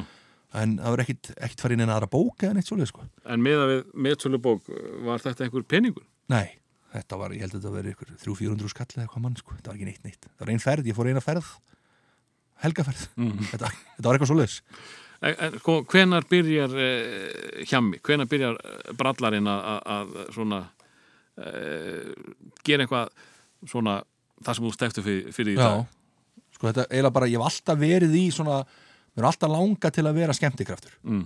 og hérna, mér er alltaf langa til að Reyndur gera eitthvað fyrir þér á lífsleiðinu Ég áður? fór hann í uppistandi í mentaskólan 17 ára gamall, Já. lendi þriðasætti eftir trúbótorum sem þó voru heitasta dæmið Mm. 1990, þá voru að trúbótor það besta, ég lendi þriðasætti og hérna, það var svona mitt fyrsta og hvað ákvaðstu þá að taka pásu frá þessu? svo tók ég, tók ég mjög langa pásu þá myndi ég líka út þessa bók 2007 svo hef ég bara alltaf verið að skemmta bara fólkinni í kringum mig og vinnustöðum og eitthvað svona sko. mér hefur alltaf fundist ég hafa verið í þessum skemmtanabransa svo er ég bara að hugsa það núna, ég raun og veru er ég ekki búin að vera að skemmta síðan þú veist, officially síðan 2014-15 Mm. fyrir þá sem eru búin að veist, þekkja minnst en mér hefur alltaf fundist ég búin að vera í þessu þannig að þetta er eitthvað þetta er alveg ótrúlegt fyrir mig sko þetta er bara orðið allt annað stig sko ég er Já. skemmta axilja núna ársattíðum og, og veislustýra og, og með pubquiz og fleira sko Já, nú ertu að fá peninga Nú er ég að fá pening allt í þessu, Já. sko, nákvæmlega En, en svona, ef þú ferða að síta hvernig, hvernig þetta fer í gang er það eiginlega bókin Na, bókin kveikir að í mér, kveikir já, hún kveikir rosalega í mér Doddi. og það var, ég hugsa bara, ok, þetta er hægt sko. svo kemur bara þessi kreppa og allt þetta og maður er bara með fulla að bara reyna sækja Lifa af. og hérna, en það sem gerir síðan er þetta snabbt hétt forrið 2014 Þú veit nú byrjaðar áður en að það gerist það ekki? Uh, Já Þú varst búin, þú Ég varst, búin að vera með pubquiz. Þú varst búin að gera eitthvað að sketsa með Ég er búin að gera sketsa og vera með pubquiz og, og hérna, þetta eiginlega springur út samt 2014-15 Já, skulum ekki fara í út, út sprengjuna strax. Nei, vegna þess að ég sé þið fyrst Já, öruglega, það er öruglega eitthvað YouTube eða eitthvað, eða á eitthvað svona menn.is Já, eða já. eitthvað. Það sem þú ert sko að gera sketsa já, oftast bara einn með kamerumanni og uh, stundum ykkur leikara með þér, ég maður það ekki Mhm. það sem að þú leggst í svolítið stóran þú varst ekkert eins og værir að byrja í sko. Ok. þú leggst ekkert eins og værir uh, sko svona uh, lítið líðir eða eitthvað slik nei, ok þú, varst bara svona svolítið eins og væri the man og ég, ég var nefnilega svo hrifin að því að, að hérna, þarna var einhver sem engin veit hver er en er samt að haga sér eins og hann allir eiga að vita hver Já, ok skilum hvað ég minna Þetta er mjög góð líking, en ég held sjálfur rétt hjá þér Menn ég held ég hafi einhvern veginn, mér alltaf fundist ég að vera í þessum bransa en ekki vissi hver ég var Þú veist hvað við já, já. Þannig að hérna, já, ég sko Hva, Manstu hvað varst að gera Já, fyrst? Var það bara fyrir að- túbuna? eða? Já, við vorum að gera sketsa og Helgi hérna 2011 og 12 mjög mikið Mm. Gerðum alveg fullt af góðum sketsum þar og skemmtilegu sko Og tókum meðan hans gerðum grínað hérna kompasmálinu Já, einmitt. Andur ykkur að dæminu sko og það var, fekk alveg 30-40 úst, hérna, views á YouTube og þetta er 12 minnaða myndband sko sem dugun ofta svona ekkit lengi sko. Þannig já, en fyrir mér er þetta einhvern veginn mér finnst ég að hafa sprungið út 2015 en ég skil hvað átt við, 2011, 12, 13, 14 Já, það, þá það var er, ég alveg byrjað sko. já, það ertu að hanna þig. Já, veist, Svo kemur náttúrulega í hérna, þáttur nokkar Pétus einmitt, nákvæmlega. Og þar varstu hjammi já, uh, að gera alls konar hás, já, háski? Háski var þáttur sem einmitt Sigurði Hannes sem við gerðum saman. Já. og það var netþáttur sem var á Bravo. Og við vorum einmitt hérna, leikum, vorum með þann karakter inn í þáttunum. Mannst eftir þessu eitthvað? Já, og það var skemmtilegt, það var rosalega skemmtilegt. Pétur var svona í beinni útsettingu og nú stennur á höfn og eitthvað sko og það var svona þessi karakter svona sem svolítið líkur Arnari Tóri myndinni fullum vössum. Og líkur Bjarnar Grumanni, svona svolítið auðvelt svona skemmtilegt fyrir mig að leikan, Já, og veist, uh, alltaf eitthvað að gerast alltaf eitthvað að gerast en það gerist ekki. það gerist ekki neitt, Já. akkurat og hérna, þannig að hérna, já það er, ég, sko, ég var mér fannst það mjög leiðilegt til að það dæmi gekk ekki upp Bravo Mhm. TV mér fannst það mjög leiðilegt, mér fannst það mjög sniðu hugmynd og hefði, ég hefði viljað að það hefði gengið upp bara. Nákvæmlega, nákvæmlega. Og þessi spjallættir á Pétri maður sko minna Mm. voru algjörlega sko það sem ég sá og hann síndi mér eins og á, á hérna, áhorstölum að þeir voru mjög mikið áhor á þeim á internetur og ég náði einhvern veginn aldrei okkur þeir fóru ekki í einhver, einhver sjónastöðum tók á sko. Já, ég, ég hérna fimm sinni í viku. Þetta, uh, þetta var smá uh, aksjón fyrir, sérstaklega fyrir hann sko. en, en hérna uh, nú mann ég ekki alveg hvað þú, þú, Já, sko, við- þegar, þegar þú tekur aðeins af, af mér orðið þá, þá hverfur það bara. En, en sko þú varst náttúrulega smá saman já, ég hérna, sko eins og með 30-40 þúsund áhorf uh, með þarna kompásgrínið ykkar. voruð ekkert að reyna að koma ykkur inn á sjónvastöðar var, var það bara, voruð ekki eitthvað á skjánum eða er ég bara að bulla? Nei við vorum bara við, er það bara brá sem að þið náðu inn á sjónvastöð ég er búin að reyna mikið að komast inn á sjónastöðar Mm. en reyndi mikið og það var þannig, ég var að, þú veist, var að sögu hugmyndir og vildi fá hitta skarpiðin og fleiri hérna og hitta Pálma á skjánum og fleira sko, en það er einhvern veginn aldrei einhvern veginn náð almennilega inn sko, ég hef unnið samt alveg fyrir stöð 2 og ég hef gert sketsa með þeim og allt svoleið sko, en ég hef ekki fengið þetta sko, þú er ekki fengið þáttið þinn? Nei, ég fengið þáttu minn, ég skilða alveg, þetta þurfa menn náttúrulega að sanna sig og gera alls konar hluti. Og 2011-12 var bara enga veginn komin inn sönnun á það að við getum gert eitthvað sko. mm. en þú fegstu fundina? Nei, þú, þú fegst ekki svona hitta þannig að ég, mann eftir ég við náðum einu svona samtali við skarpiðin, ég náðum einu svona heyri í jónum og þá sann, já, ekkert mál, ekkert mál, hörðu ég, ég, ég læti vita hvernig þetta svo heyrði ég aldrei aftur. það er af þessu pínu skarpi sko. það er brjála að gera það um líka er. Já. en, en svo hérna kemur þetta snjall síma forrið já, og, og þá ertu náttúrulega úst, það er fólk sem veit af þér mm Mhm. búin að gera háskan og búin að gera þetta á Mhm. YouTube og eitthvað þannig að Hjálmar er alveg sem í nafn getur við sagt erum við ekki jaðanafn erum við ekki bara eitthvað jaðanafn svona? Veist það. já, það er eitthvað svona ákveðin hópu sem veit hver maður er sko. Já, og þú vantilega byrjar á uh, Snapchat bara til að taka myndir af börnunniðinum eða eitthvað til að byrja með, eða hvað? nei, ég byrja bara strax bara strax að fýblast í Snapchat sko. mér finnst það geggjað Fórstu strax í það að vera með karaktera? nei, ég fór strax í að fýblast bara Já, bara að vera vitlisíkur fyrst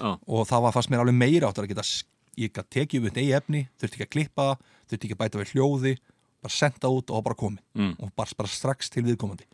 Og það finnst hjálmari geggjað. Allir, engi milliliður er og það er bara tilbúið. Já, þetta er bara uh, þín hönnun Já. frá A til Ö. Já, ber bara sjálfur ábyrða á þessu. Ekkert vesen.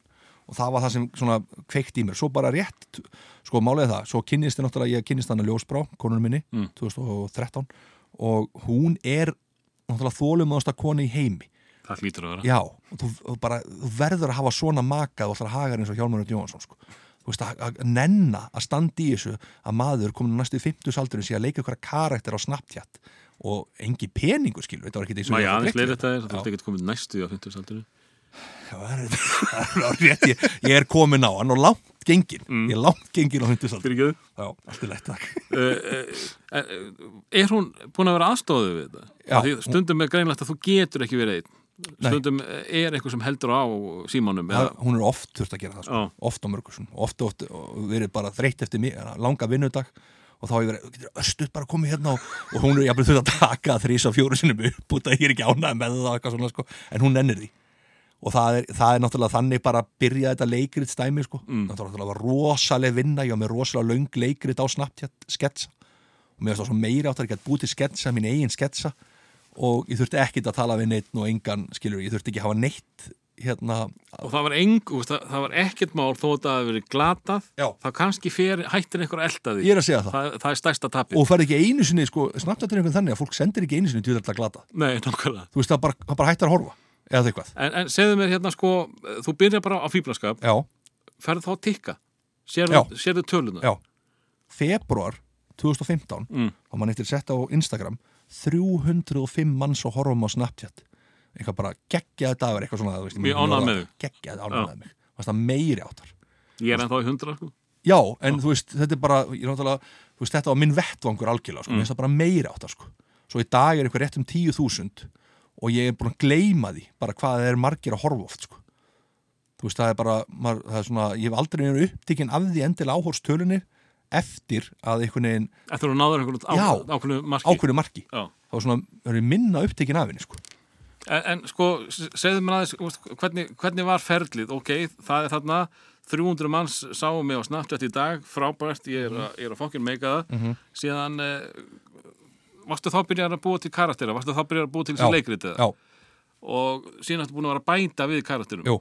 Hver, hver var fyrstur? fyrstu karakterin var sennilega uh, Bjarni Grömar, Já, ég hugsa hann að vera fyrstur með tannstöglun og svo tannstöngurinn loft, lofti og svona gamli skólinn Já. hann að vinna síðan hann var, þryggja fjara að borga í, í stjættafélag bara síðan hann og var er hann ekki ára ofta að spera ofan og bera ofan með Já. bjór og tannstöngul Mm. og oftar en einu sinni var ég næstu búin að gleipa tannstöngulinn ég var að drekka bjór og það var, það bara munnaði rosalega litt loft sko. þannig hérna, og alltaf held ég áfram Krakkar, taki eftir þessu Já. Það er stór hættulegt að vera snappstjarna eh, vandið ykkur og varið ykkur. Já, fyrir ekki að gera svo alveg, takk, takk fyrir þess að viðurum og hérna, síðan kemur Karl Önnursson Magnason Sigrúnusson mm. og það var svona Hvað varst að vinna með þar? það sem að gerðist var, það var svo rosalega mikið af feministu sem voru að spretta upp. Mm. og menn voru að breyta nöfnunum sínum í Önnursson og allt þetta. Og mér fannst það bara svolítið fyndið sko. og hérna, bara gott mál. En, Fekstu, þú hlýtur að fengi einhvern skít fyrir það? Nei, ég, sko, ég, það getur vel verið. Já, en ekki beint í þín? Nei, Nei. Ég getur vel verið að, þú veist, það er fullt að liði sem finnst það ekki fyndið og finnst það en það, er, það er allt í lagi það er allt í Það góðu bara sleppið að þér alveg Ég- að fylgjast með sko. nákvæmlega sko. og hérna og fólki fannst það var eins og bara fólki hefði fengið útrás í gegnum hennar Karl Önnursson á svo mörgu Mm. þú veist það voru orðin svo margi sem voru orðin svo miklu feministar og góðir sko að þetta voru orðið bara þetta voru orðið komið út í ykkur vittleysu sko og þannig var ég með einhvern sem var mjög yktur og var alveg sko hann var, hann var svo stjórnlaus yktur í því að vera góðu feministi sko Mm.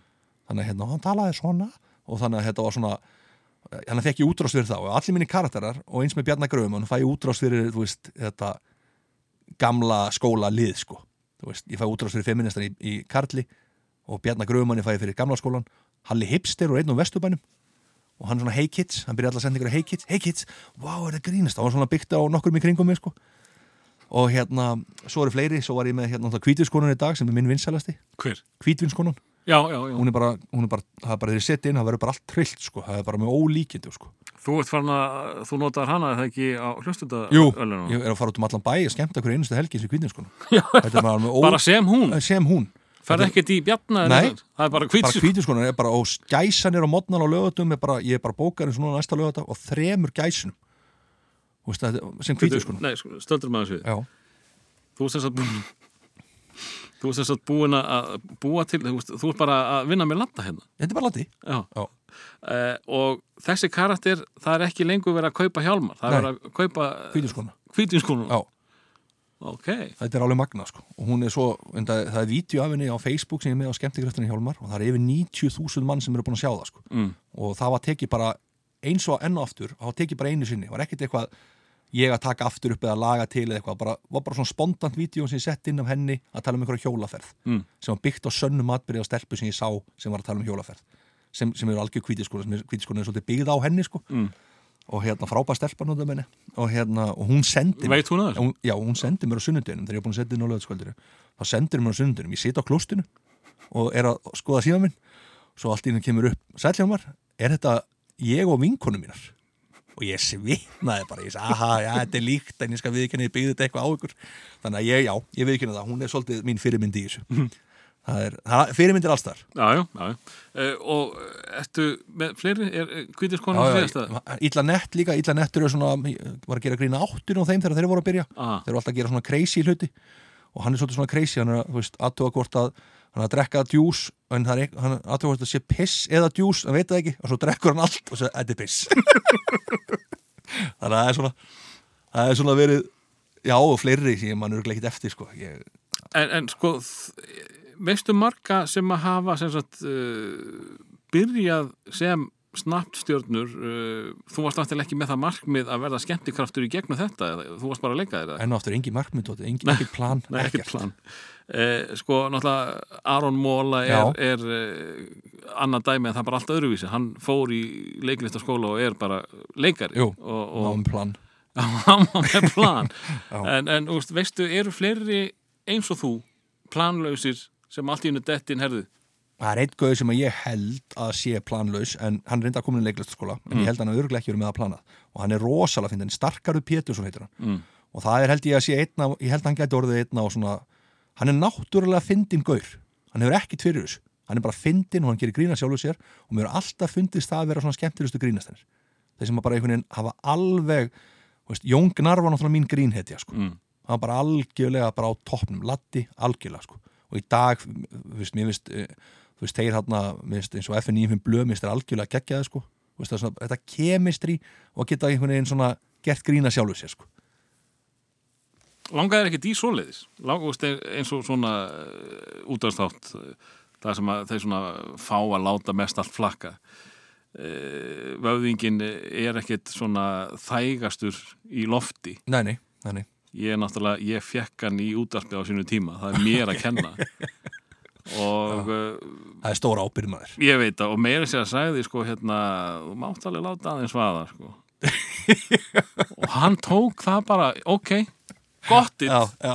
og hann let vaða sko. Og hefur ekkert stoppað síðan alls ekki, er þetta ekki eitthvað sem að Jú, ég held að útvarp sé skemmtilegu miðill líka Mm. Ég held að þetta, ég, hann er einhvern veginn deyr aldrei og það er hérna, ég hlusta mikið útvarp ég er mikill útvarpsmaður, ég hlusta mikið einmitt á þetta podcast sko. Mm. þannig að ég er svona alveg hérna ég held að það getur verið mjög skemmtilegt sko. og veist, best væri náttúrulega að geta bara verið með svoleiðis vinnu, já, já, bara fasta tekjur einhvern veginn fyrir að fýblast í útvarp eða sjónvarpi sko. Mm.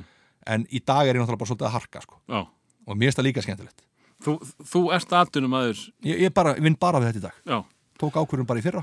Og nú vinnum við þetta heilt ár núna að vinna við neitt annað, já, það er þannig. Það er uh, en sko, hvenar á hvaða tímapunkti uh, fór fólk að ringja í þig og segja, herðu, hér er, með, hér er ég með pening? Já. Eh, viltu fá hann fyrir að gera þetta? það er bara, sko, ég það bara gerðist tóti, það bara gerist allt í hennu einhver fara að sjá á, og náttúrulega snapptjatið og með 10.000 manns, þá ertu bara með risastóran auðlýsinga miðil Já, já, ég, veist, ég er bara að pæli hvernig náður að færa Snapchatið þitt yfir í eitthvað sem þú fyrst pening Já, fyrir. það hefur verið svona 2016 17, 2016 Já.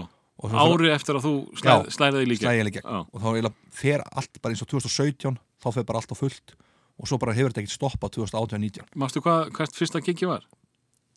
Ú, sko fyrsta giggi er svona Vá, þetta er erfið spurning maður, þessi að ég vilja fá að vita fyrirfram. Mm -hmm. Þessi er frábær spurning, ég svarið þessu snappið um setni dag. En hérna, ég, er ekki viss með það, ég er náttúrulega var búin að skemmta mikið á gullöldinni í grái Já, já. og búin að með pubquiz þar alveg mörg ár sko. Það var svona minn fyrsti vettvangur, Dabbi Rúga með tækifærið þar. Mm.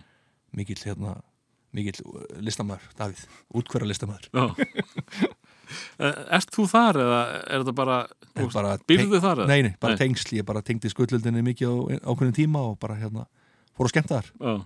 En, en hvernig hefur þetta gengið uh, sko uh, að því að ég get alveg trúa því að þú ert pantaður á ásóttíð Mhm. og þar eru sko fimm af uh, sex í ásóttíðanemnd með þig á snappinu mm en kannski bara 10% að vinnustann hefur ekki hugmynd um hver þú ert Já.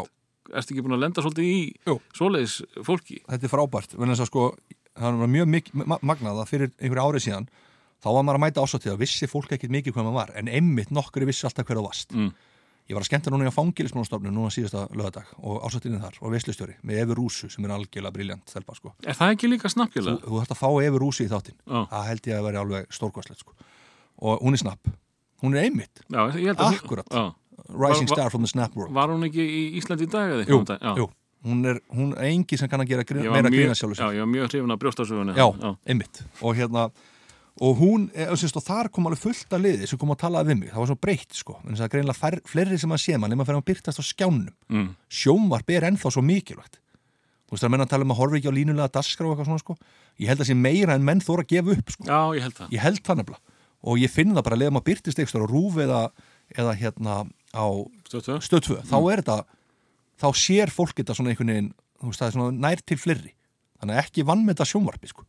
og þá tók ég eftir því að fullta liðana sem það fylgst með mér alveg frá byrjun mér finnst það alveg ótrúlega það myndi eftir bara gömlum sögum sem ég hef verið að gera sko.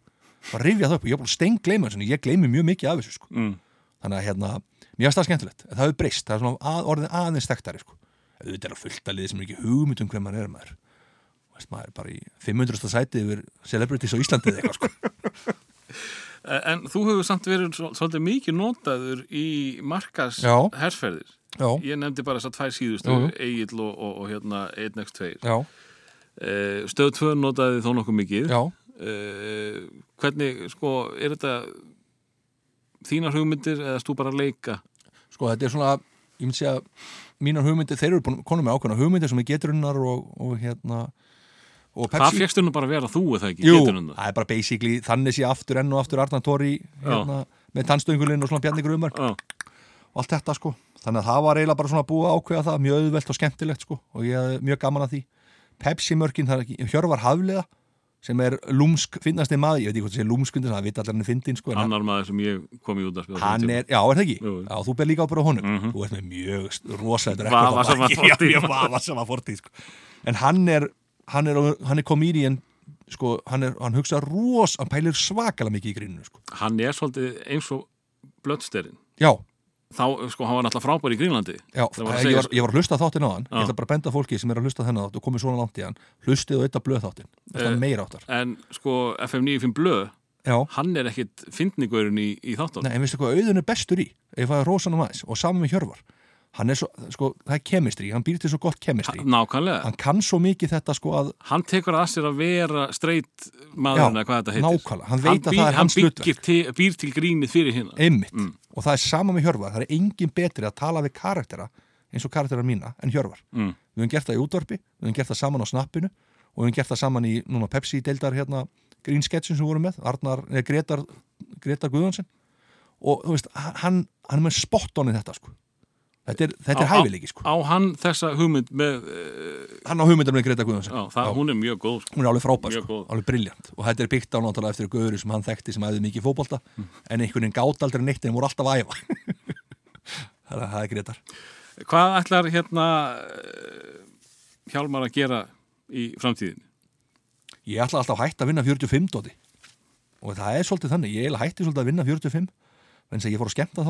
eiginlega hætti svolítið að vinna 45 en þess að ég fór að skemmta þá bara sem ég finnst ekki vera að vinna, mér finnst það svo skemmtilegt En þú sagði ráðan, þú, þú, þú, þú ert að hérna, ströggla, eða ekki beint að Ég að ströggla. harka. Þú er að harka, Já, maður þarf bara að taka verkefni að sér og maður þarf, þú veist, sem betur fyrir ef ég er nóg að verkefni að velja get hafnað og get, þú veist En þá, þarftu að halda þér heitum á snappinu?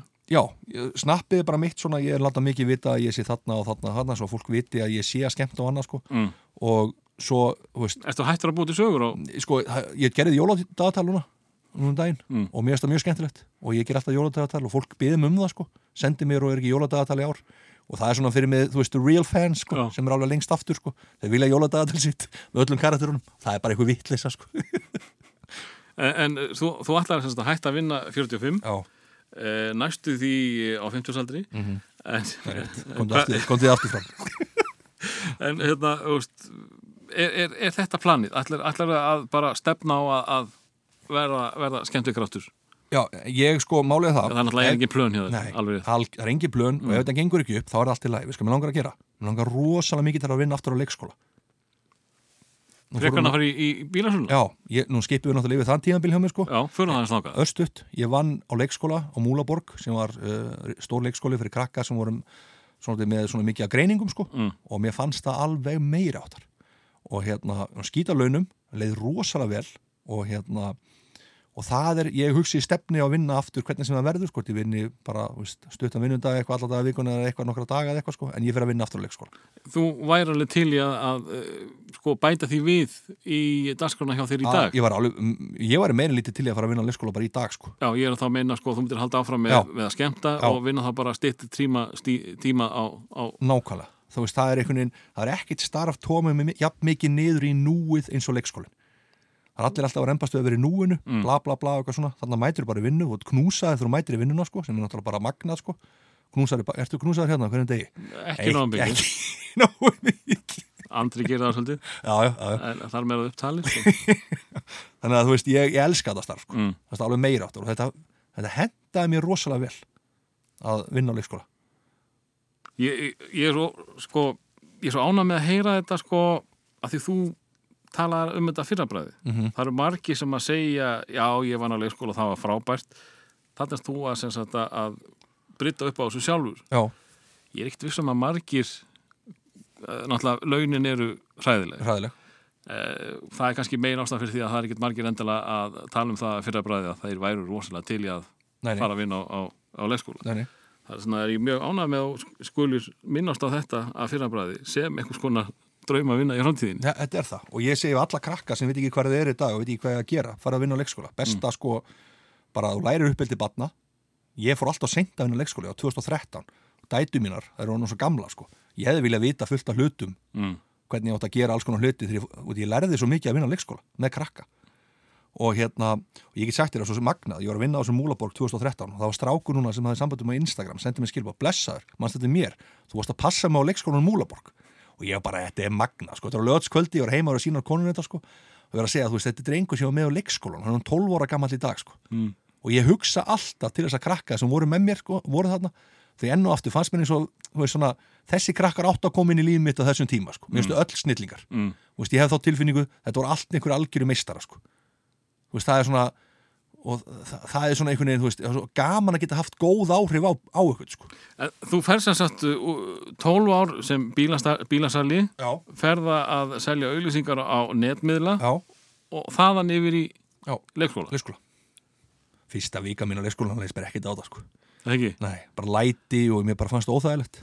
Já. Það skrítið, það var ekotengt líka. Já, það ekki? Bílasalinn, þessi mikli bílasalinn með þessi miklu tekjur og business hjálma sem var þá, sko. Varstu, varstu smeykuð að hitta gamla kuna? hitti gamlan kuna, fyrsta, Já. fyrsti daginn hitti ég gamlan kuna Mm. og "Ba- hvað, þú hérna? Og veist, þetta var svona, svona skrítið allt sko. Já, því svona, Það þá fannst þetta ekki vera töff. Nei, mér finnst það að vera fall, Já, bara svona hvað er að gerast sko? Svo held ég að liði, já, ekki vika, það var þrý, fjóri dagar jafnvel sko. Svo bara, ég er bara mánudeginum og aldrei hlakka ég mikið til að mæti vinnu. Ekki einn dag sem ég langaði ekki vinnuna þegar ég var að vinna á leikskóla. Það var ekki einn dagur og mér langaði oft ekkit að fara strax heim sko. Ég hef aldrei upplifað þetta í neittni vinnu sko. Þú veist, það var gaman á bílasölunum þegar hún var, sko, en það kom oft dagar sem voru hundleðilegt og hunderfiði, sko. Mm. og það var einhvern veginn ekki þarna á leikskóla þú voru erfiði dagar, það var alltaf skemmtilegt, sko. Þannig ég held að ég sé besta auglýsingur í leikskóla, ég held að uh, Reykjavíkborg ætti að tala við mig, ég ætti að fara hérna, getum ekki hitt grunnskólakrakka eða eitthvað sem veit ekki hvað ætla að gera eftir grunnskóla? Nákvæmlega, líst vel á þetta. Já, Eða enda þetta á uh, einhverju sem að uh, Hjálmar Örn hlustar á í dag? Já þetta var Uh, Þú stalt stannaður í tónlist, sagður þannig að ég, þú þarft ekki að koma með eitthvað allra nýjasta. Nei, þetta var erfitt fyrir mig, rosalega erfitt. En mér langar rosalega mikið til að hérna þú myndir spila Big Shack Men's Not Hot. Þetta er grínrappari Þetta er eiginlega grínrappari sem að fellur um sjálfsög að því lægi er svo gott. Já, nákvæmlega og þetta lag Ég vissi ekki að þetta væri grín fyrir hann að sko ég er búin að heyra lægi marg oft, helviti fínt lag frábært og hann er mitt með karakter á YouTube líka þannig að ég svona tengi svolítið við hann og ég, ég elska hann, Big Shack Big Shack, Hjálmar Örn, takk kjalla fyrir að sita hérna með mér og, og röfla eins um fortíðina Takk hjálpa fyrir mig Yo! Big Shack, the one and only. Man's not hot. Never hot. Skra! Cat. Boom! Two plus two is four. Minus one, that's three. Quick maths. Everyday man's on the block. Smoke trees. See your girl in the park. That girl was a uckers. When the ting went quack, quack, quack. You man were ducking. Hold tight, Asni, my brother. He's got a pumpy, big ting. Hold tight, my man, my guy. He's got a frisbee. I trap, trap, trap on the phone. Moving that cornflakes. Rice Krispies. Hold tight, my girl Whitney. On, on, on, on the road doing ten toes. Like my toes. Like my toes. You man thought I froze. I see a pen girl on a pose. Chilling. If she ain't on it, I ghost. Ha! Look at your nose. Check your nose, fam. You donut. Nose long like garden hose. I tell a man's not hot. I tell a man's not hot. The girl told me, take off your jacket. I said, babe, man's not hot. Never hot. I tell a man's not hot. Never hot. I tell a man's not hot. Never hot. The girl told me, take off your jacket. I said, babe, man's not hot. Never hot. Hop out the four door with the 440 was one, two, three, and four. Us man. Chilling in the corridor. Yo. Your dad is 44. Uh. And he's still calling man for a draw. Look at him. Look at him. Let him know. When I see him, I'm gonna spin his jaw. Finish. Take man's twix by force. Take it. Send man shot by force. Send it. Your girl knows I've got the sauce. Flexing. No ketchup. None. Just sauce. Saucy. Raw sauce. Ah. Yo. Boom. Ah. The ting goes. ah. Skitty keep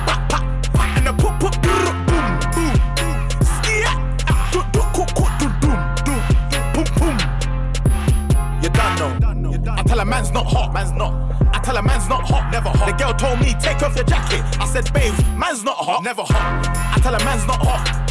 I tell a man's not hot, never hot. The girl told me, take off your jacket. I said, babe, man's not hot. Man can never be hot, never hot. Perspiration ting, spray that. Links effect, come on. you didn't hear me, did you? Nah, use roll on, use that. Or spray. Shh. But either way, A, B, C, D. Alphabet ting. The ting goes grrrr, ka, ka. Skitty keep pa, pa, pa. And the pop, pop, boom, boom, boom. Do, do, do, doom. Boom, boom. You done. Big shot. Man's not hot. I tell a man's not hot, never hot. 40 degrees, that man's not hot. Come on, yo. Ah, in the sauna, man's not hot, never hot. Yeah.